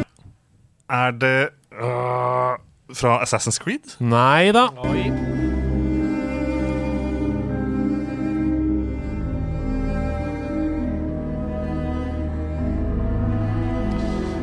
det er to spørsmålstegn som sitter uh, i studio her. Dette er gode oppgaver. Ja Ja, da, det er det, det er det. og, og Septastic er helt rå, for han finner som regel ikke på en måte de mest kjente tracksene fra spillet. Så det er uh, Ja, dette er, uh, dette er vanskelig. Mm, Jeg kjenner jo igjen altså For et inntrykk her. Vi skal inn i en postapokalypse. Ja, det skal man ofte. Sebastian? Ja. Er det Fallout, da? Det er Fallout 4! Det er Fallout 4 Far Harbor. Det er det halveste poenget jeg noen gang har fått, kanskje, men- Ja, ja, ja, ja, ja. Jeg vet ikke. Hva, hva syns dere? Skal Sebastian få poeng for det? Ja, ja, ja, Ok, ja, ja. da er det. Det er I- veldig gemt. I Fallout 4 så kan man bli medlem av forskjellige grupper. Hvor mange grupper er det å velge mellom? Eh, og her eh, vil jeg at dere skal komme fram til et svar. Det er ikke førstemann til å svare. Bare kom fram til et svar, og så sier dere det. Hvor mange grupper er det å velge mellom i Fallout 4? Og det er også, Han skriver også bonuspoeng for navn på gruppene, men det tror jeg vi står over. Vi holder oss til hvor mange grupper er det å velge mellom i Fallout 4. Og nå har dere fått tenke litt mens jeg har pjatta visvas og, og Og ingenting. holdt mikrofonen eh, varm. Absolutt, Um, så derfor så går jeg til eh, deg, Rune. hvor mange grupper? Det er jo et eh, svært spill. Uh, og, uh, Gir seg selv mer tenketid som en kjent radioprogramleder Altså, her her. gjelder det å trekke ut tida, for at jeg uh, testa jo spillet på Xbox GamePass Ja nå for, nylig. ja, for det som er interessant med tidsuttrekning sånn tradisjonelt, det er jo at det brukes ofte som et våpen. Jeg trenger ikke- et svar. Sebastian, hvor mange grupper? Jeg går for seks. Du går for seks. Åtte. Åtte. Det er fire grupper i Fallout eh, 4. Og jeg vet hvilke det er også, for det er blanda. Det er Railroad, det er Minutemen, det er de der Power Armor-folka jeg aldri husker hva heter. Brotherhood of Steel. Of Steel eh, og de The Ghoulsa, er det det? Nei da, The Institute. The du holdt på å rakke til deg et ekstrapoeng der, men Ja. du får ikke det. Vi går til oppgave tre. Her kommer den lyden.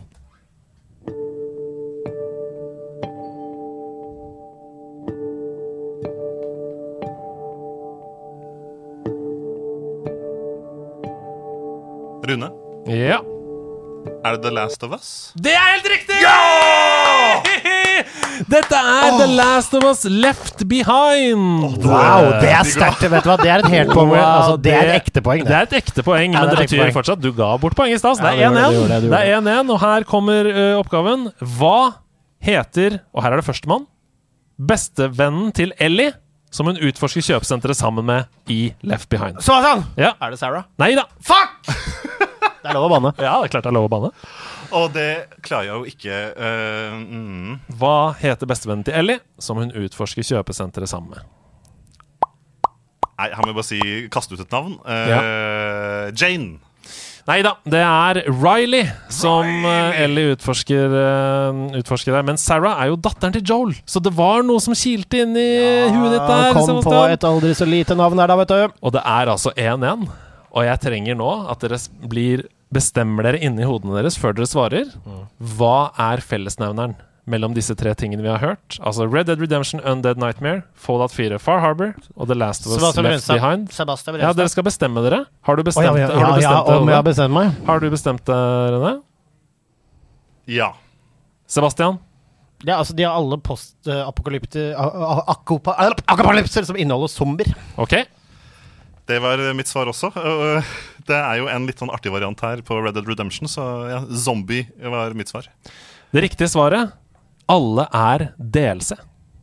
Alle er DLC til hovedspillet Undead Nightmare, Far Harbor og Left Behind til The Last of Us. Det betyr at vi har ingen vinnere i Går lydplakken! Ja, men dette lever vi med. Det er 1-1. Alle overlever. Alle overlever! Blir det fest på dekk?! Ja, ja, det blir fest på dekk, og kapteinen har pølser til alle. Og det blir rett og slett veldig hyggelig å på skuta her. Det betyr at vi trenger å svare på noen spørsmål. En legendarisk homasj is back. Fark har reworka korktavle-jinglen og fått inn Martin Herfjord sin stemme, så nå står det igjen Hva står det på korktavlen i, i eh, vår jingle? Det er helt fantastisk! Det er helt fantastisk. OK! Når skal NRK lage flere spill til barn? Fantorangen er en banger for de små, spør Andreas. Og du, Det er et veldig godt spørsmål. Eh, Det eh, tror jeg ikke kommer så veldig ofte. Men de gangene det kommer spill fra NRK, så er det jo nettopp på den fronten der. Før så var det jo masse interessante spill som ble laga i P3. Eh, Jag asylbarna-spillet. Runkespillet til Are Sende Osen. Så det er jo et stort potensial her. Og, og Fantorangen, så det er adspredelse, da, i hvert Jo fall. da, så må vi huske at det her ligger noe, noe ganske viktig spillhistorie tilbake i tid også. For Mojaffa eh, altså definerte ungdomstida til mange på min alder, i hvert fall. Flashspill var eh, altså newgrounds.com. Det var et Dere sted å vet ikke hva dere går glipp av barn. Men eh, jeg vet ikke hva eh, Super holder på med, men jeg eh, håper og støtter innsenderen i at det kommer flere spill. Og så kan vi gjerne få litt mer av disse tullespillene også, men jeg har ikke noe konkret svar der, dessverre. Eh, unntatt at jeg støtter ønsket. Ja, altså det gjør jeg også. Jeg har ingen innsikt i NRK, men det er jo mange fine ting som skjer i NRK, som kanskje noen norske eller eh, andre spillutviklere kan kjøpe IP-ene til og lage noe gøy. Hvem vet? Hva er det mest spennende som foregår i norsk spilljournalistikk for tiden? spør Karoline Myss. Nederlandslaget heter det. Og eh, velkommen til oss, Karoline. Nei, eh, det som jeg tror, i hvert fall fra mitt perspektiv, er jo eh, at spill blir tatt mer seriøst også Ja. av de voksne journalistene. Sånn at det kommer stadig flere serier, det satses seriøst. Eh, så, så, så mest av alt handler det om at det er helt nye historier som har vært fortjent fortalt i, i mange år. Og at vi står egentlig fortsatt litt på liksom kanten av gullalderen i eh, norsk spilljournalistikk. Så jeg ser veldig lyst på framtiden.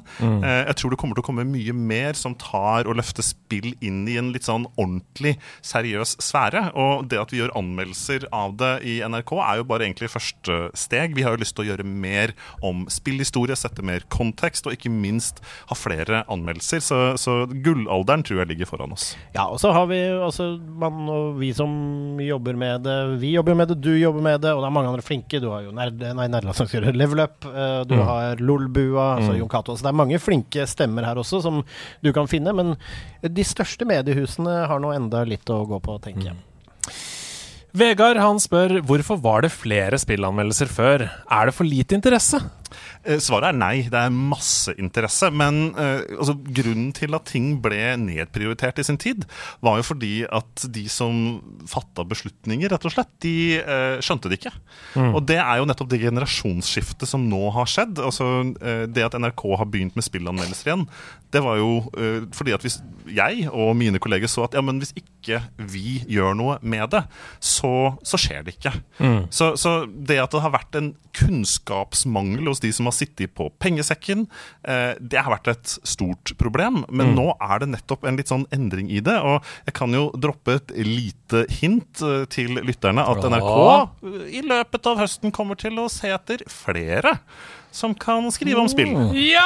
Og det er veldig bra. Yes! Og, og da snakker vi om mainstreamen. Men jeg tror også en annen grunn til at man tenker litt sånn, er at eh, eh, Jeg tar anmeldelsene mine veldig sånn kurert. Jeg vet hvem jeg liker å høre på, om Mm. Ja. det er Polygon eller noe sånt. Så jeg tror også det er veldig mye on demand spillanmeldelser Ja, ja. eh, rundt omkring, og veldig mange har sine favoritter. Så jeg tror også det gjør at man av og til ikke vet hvor mye det faktisk er. Både av norske stemmer som anmelder spill via oss eller Levelup, eller uh, helt selvstendige Mm. youtubere.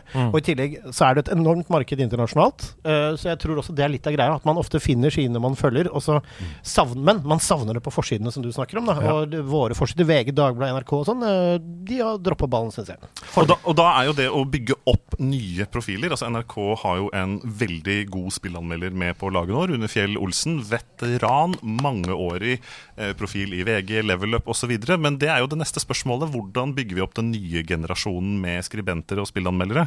Det er en av de tingene som jeg skal jobbe med videre. så, så en liten sånn preview til lytteren her. Og hvis det er noen som kjenner kallet, pass på at man har skrevet litt. da Sånn at når utlysningen kommer, så kan man kaste seg rundt og, og, og, og bli med i konkurransen. Kan man, kan man skrive på data?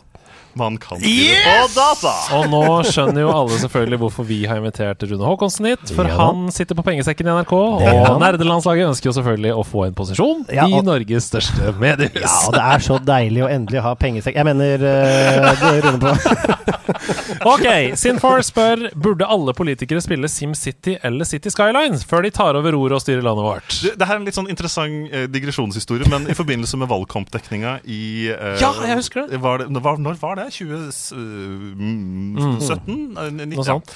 Det, så, så var det jo en, et sånn forsøk på å få en livestream med politikere til å spille eh, City Skylines. Og, og det vi oppdaga Det er et veldig godt konsept, det var en god tanke, men det vi oppdaga, var jo at eh, City Skylines er et spill med helt egne regler som ikke følger norsk plan- og bygningsetatslov osv. Ja, nettopp, ja. Eh, Så at det viste seg å være ganske dårlig TV. Ja. Men eh, jeg tror definitivt at eh, det er mye å lære om byplanlegging gjennom spill som SimCity og City Skylines. Så at svaret der er ja. det Men jeg husker noen Jeg tror også det er, men, men sorry for å avbryte, jeg tror også det er mye vranglære. Ja. Det tror jeg bare må nevne. Jeg husker noen veldig sånn golden øyeblikk der hvor Frp skulle legge firefelts motorvei, f.eks., mens, mens MDG ville ha masse sykkelvei og byutvikling. Det var, det var veldig gøy. Det var, man så politikken eh, ut i live, da. Så jeg husker det godt. Jeg syns det var spennende å se. Ja, Og ikke har vi fått noe av det. Noen Nei av det. Så det er deilig. Spørsmål til neste korktavle. Ja, det er i dag, ja. Stemmer det. Den 4. august kom det nye trailere til de to nye Pokémon-spillene. Og ja, endelig er det åpen verden RPG, men folkens, de ser jo helt forferdelige ut! Vi er i 2022. Burde de ikke kunne bruke Zelda Engine fra Breath of the Wild til å lage noe som faktisk ser bra ut? For jeg blir helt målløs av hvor ræva grafikken ser ut. I tillegg er Legendary Pokémonene bare to motorsykler. Beklager ranten. Hilsen Torstein. Jeg er delvis enig. Vi har snakka om dette før i nederlandslaget, at det er ingenting, bortsett fra det jeg mener, grådighet, eh, at det skal komme et Pokémon-spill hele tiden, som eh, hindrer Pokémon fra å se ut som Breath of the Wild. Hvis de hadde brukt fem år på det spillet istedenfor to, eh, og, og faktisk implementert grafikkmotoren til Nintendo Det er på samme konsoll! Det, det er ingen grunn til at det ikke skal kunne se så bra ut, annet enn å kutte corners. Men, men samtidig så er det jo et poeng at Nintendo år etter år i mange tiår har lagt seg på en helt annen teknologisk standard enn de andre uh, konsollprodusentene. Mm. Så, så der jeg ønsker at Pokémon skal være, er jo Men er ikke of the noe Wild kom på unnskyldning. Ja, Wii ja, U ja, og ser bedre ut enn det nye Nintendo Ja, og- Det nye Pokémon-spillet. Og og det er Breath of the Wild, og du kan tenke deg Twilight Princess, uh, Ja. ting vi har vært igjennom. Altså, det er ingen unnskyldning for Pokémon Altså- lenger. Jeg mistenker her Her mistenker jeg rett og slett at uh, apropos penger, altså. Her mistenker jeg at så lenge det selger, så er det ikke noe behov Neida, for riktig. å bruke pengene på det. Så det er Pokémon Go som har vist Nintendo at her må vi bare pushe på. Ja. Det, det som presser seg fram um, for meg, det er det pengeperspektivet du sier. Fordi uh, Breath of the Wild kom, som jeg sa nå nettopp, på Wii U. en konsoll som kom i 2016.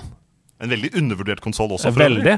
Og det ser fortsatt bedre ut enn det nye Pokémon-spillet. Så mm, det, det Pokémon-fans ofte bruker som argument, er ja, men det er veldig mange flere unike sprites med unike animasjoner i Pokémon enn det er i Breath of the Wild. Derfor vil det kreve større plass. Derfor kan man ikke ha grafikken så, så svært. Det er veldig mange unike fiender i Breath of the Wild òg. Det er veldig mange unike karakterer. Og la meg bare si at hvis de lager et full trippel A Pokémon-spill, så er det ingenting i veien for å gå tilbake til de 150 originale Pokémonene heller. Jeg tror folk hadde spist det rått. Helt enig. Dette er et spørsmål om crunch-kultur. Siste på kokktavla for i dag. Eh, det mange er enige om i redaksjonen, det er at forbrukerne skal bruke lommeboka til å gjøre en forskjell. Hadde det kanskje vært en idé å ha en merkeordning som viser at de ansatte hos utvikleren har hatt rimelige lønns- og arbeidsvilkår. Et slags svanemerke som viser at our developers are grass-fed and free range. Ja. Hilsen Speckled Jim. Det syns jeg bare er et ja. Jeg syns at det burde finnes et organ som kontrollerer. Altså sånn som man har gjort i alle industrier som kjøpes øh, verdensomspennende. Ta, kan ta eksempel i kaffe, fair trade. Kan du diskutere hvor mye det er mulig å snike seg til og sånne ting. Det er selvfølgelig en diskusjon for en annen tid, men det burde finnes noen som passer på de utviklerne. De er mennesker, det er crunch-kultur. Det er lett i kreative yrker å bli dytta ut i det som er sånn Jo, men dette får vi til sammen ved å bare papir og trå til, liksom. Poenget er at det er skadelig for dem, og her burde noen passe på. Så burde det også være en eh, liten hedersbetegnelse. De som er best i klassen. Eh, hvorfor ikke? Det kan i hvert fall ikke skade. Og litt kudos til journalist Jason Schreier fra Bloom, som nå jobber for Bloomberg, gjør han som har jo avdekka massevis av regelrett misbruk. Eh, Så jeg støtter også en slik eh, ordning, for er det én ting vi trenger, så er det godt uthvilte spillutviklere, for da blir spillene bedre, rett og slett. Og da får de swaggermerket, og så blir alle glad. Bare sånn at vi ikke får 1000 meldinger. Eh, Wii U kom i 2012. Wii U kom Ja, det var litt i seint med 2012. 2016. Wii U var ikke når Trump ble valgt til president. Det hadde vært Det snakker vi om i en annen podcast. Men det er på en måte konsollenes Trump.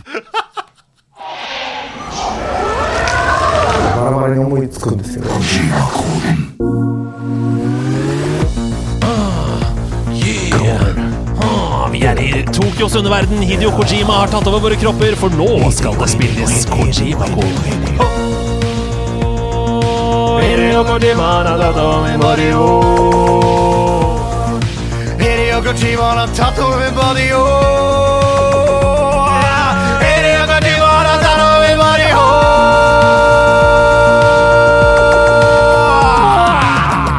Det stemmer, vi er i Kojima-koden. Der hvor vi har produsert to rebuser. Fordi Hideo, Hideo, Hideo, Hideo Kojima har tatt over våre kropper. I Kojima-koden så skjuler det seg altså en rebus. Altså Det skjuler seg en spilltittel i en rebus. eh, Og dere to må slå hodene sammen for å skjønne hvilket spill jeg har skjult i Kojima-koden. Er dere klare til å jobbe sammen? Ja, nå er jeg spent. Altså, vi har jobba sammen på 20 spørsmål allerede, vi. Og om jeg må få si det selv, er slått den ut av parken. Så bring your best, Mr. H. At dette bare måtte plettes, ja, det hadde få trodd. Men da vi skrev 2020, var spillet på denne konsollen skodd. Jeg vet hvilket spill det er, og endelig svar er avgitt. Det heter Astrobot. Takk, jeg tar poeng. Eh, Du velger å svare Astrobot. Astrobot ikke Eh, det- Nå, nå er jeg liksom målløs, her, for den, den kom kjapt. Astrobot Det heter Astrobot, heter ikke det da? Astro, hva heter det spillet som er bygd inn i konsollen til PlayStation 5? Som Jo, kom sant, ut som skal være sånn demo for kontrolleren. Ja, som bare viser seg som et fantastisk spill du bare måtte plette fordi du fikk en stor greie hvor du kunne se all PlayStations historie. Det er Astrobot, må være det. Ja, men eh, det er vanskelig å si noe mot dette. Hvis det ikke er feil, da. Her kommer ledd to i Kojima-koden. En sjarmerende fyr, og kanskje maskotkandidat på sikt. Hele verden utforsket lekerommet, selv om få fikk spille på likt. Ja da, Det er bare å strekke to hender i været. Dette tok vi med Altså, en gang. dette er et sololøp her nå. Nei, nei, nei, det, altså, endelig, altså, dette, Det hva- er- er det, det, må, det, det var riktig i starten, var det ikke det? Heter ikke det, da? Eller, er- Svaret er Astros Playroom, og det blir selvfølgelig ingen poeng på Nei da, du skal selvfølgelig få poeng, Sebastian! Du visste jo hvilket spill dette var, og du skjønte med en gang at det var PlayStation 5. Uh, Men det, he, altså, vet du hva? Det, det, der er han snill med poeng, men altså, det heter Astros Playroom, selvfølgelig. Men låta er jo Astrobot. Så Ja, det ja. er derfor jeg husker det som. Beklager. Ja, det var jo en skikkelig overraskelse når det kom, for det er sånn det typiske spillet som tenker sånn Ja, det bare følger med greier og skal demo. Ja, ja, ja. Shit, altså. altså men jeg, jeg tar poeng. Altså, dette er igjen det halveste poenget jeg har fått igjen. Men jeg prøvde, jeg prøvde også hele verden utforsket lekerommet, og likevel Det er Astrobot! Det er astroband! Du la, Altså, du la med andre ord altså, hintet det ganske det er- tydelig opp. det er- altså, skammen lever, men vi fikk poenget nok en gang. Så surfer vi gjennom med poenget, eller jeg, da, med Ja. poenget, og jeg er fornøyd. Så jeg overlevde lydplanken, og vi får poeng som vi kan bruke i Korojima-volen. Så det er bra. Yes, ja. Eh, har du forberedt en Kojima-kode Ja, til oss, Sebastian? Åh, det er det vi to, Rune! Vi må slå hodene Ok, våre sammen, ok, for Hidio ok, Kojima har tatt over kroppen til Sebastian nå. Ok, er dere klare? Gresk-inspirert i navn og bur. En gudinne er kidnappet, og enden den truer. Din stilling er klar, du er captain of the guard. Fra spillet begynner snakker vi Nintendo hard. Nintendo Hard. Gresk-inspirert i Eh. tittel og buer. Eh, I eh, Ika mm, Eh, For det var jo et sånn eh, Og Kid Icarus, ja. Ja, Kanskje det er det?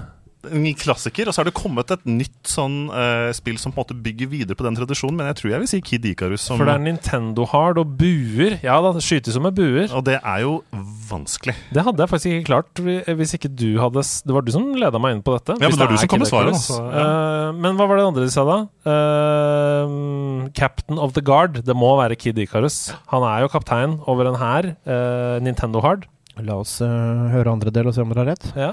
Flaks med dine vinger og skytende piler, kan du hjelpe Pitt helt igjennom? Jeg tviler, et legendarisk spill av den gode gamle skolen, svært inspirert av en som fløy, for nærme solen er selvfølgelig Kid Icarus! Og, og det var en utrolig Det var nesten trist at vi tok det så tidlig. Ja, men det noe, For, for en poetisk! det det er, men takk, men altså, for en, for en levering i dag på, på Kojima-koden. Altså, Om Kojima har tatt over vår body, så tok han i hvert fall en liten tur innom og hjalp uh, på sida her. Hviska litt i øret her, vet du. Ja, Ja, ja. men faen, altså, dette her var reint bord, det. Og for en episode, da, dere. Vi har kommet til veis ende. Det, vi, vi greide ikke å holde oss i skinnet den gangen. Der. Det er rett og slett eh, to timer og 20 minutter nærmer vi oss. Og vi har gått over, uh, ja. Men altså tida, altså, tida flyr i godt lag. Dette Ja. her, eh, vet du hva? Den, jeg har kost meg utrolig mye tilbake i studio denne sesongen, og med en fantastisk gjest! Jeg må bare si også takk for en fantastisk mulighet til å sitte og bable i vei. Ja. Det setter jeg så pris på, så det har vært en veldig hyggelig opplevelse. Og eh, kanskje, kanskje vi kan eh, ta og finne ut litt om det er muligheter for noen andre. Liksom. Å, pengesekken rir! Ja, men Det er utrolig hyggelig å ha deg på besøk, Rune. Og Er det noe du har lyst til å plugge til slutt? Noe som vi kan følge med? Kan vi lese deg noe du skriver noe sted, eller er det noe vi kan følge med? Nei, eh, først og fremst send gjerne tilbakemeldinger til NRK på det NRK gjør på spill. Mm. Så ikke vær redd for å, å si klart 'dette var dritt', eller 'dette digger vi har lyst til å ha mer av', for det er den type tilbakemeldinger som faktisk betyr noe. Og så kan jeg bare nevne igjen, da, eh, hvis man ikke har eh, øvd seg som anmelder ennå, men har lyst til det, ta så skriv noen anmeldelser, da, så følg med på NRK sine sider, så får vi se hva som skjer, for å sitere vår konkurrent. Vet du hva, det er helt nydelig. Tusen takk for at du kom. Vi kan bare si at det er bare å gå inn på discorden og bli venner med nerdelandslaget der. Du kan gå inn på vår nettside og kjøpe deg noe merch. Vi har også en Patreon-side om du er keen på det, og ellers er det bare å lytte og kose seg, for dette er et program vi er glad i. Tusen takk for en dag, Andreas. Har du kost deg? Ja, jeg har hatt det veldig gøy. Og husk også at på nederlandslaget.com så kommer alle anmeldelsene våre ut i tekst, med artige bildetekster à la natt og dag. Så Der er du sterk. det er bare å gå inn og lese de der. Du kan følge med på poengene på Kojima-koden. Du kan eh, høre episoden her. Du kan gjøre veldig mye der inne. Kjøpe deg merch og gjøre også masse annet gøy. Tusen takk for at du hører på. Tusen takk for at dere er så fine folk. Og tusen takk igjen, Rune, for at du ville stille opp her. Vi er i lomma di hvis du ringer oss. Fantastisk. Okay, Takk for meg! Ha det! Ha det!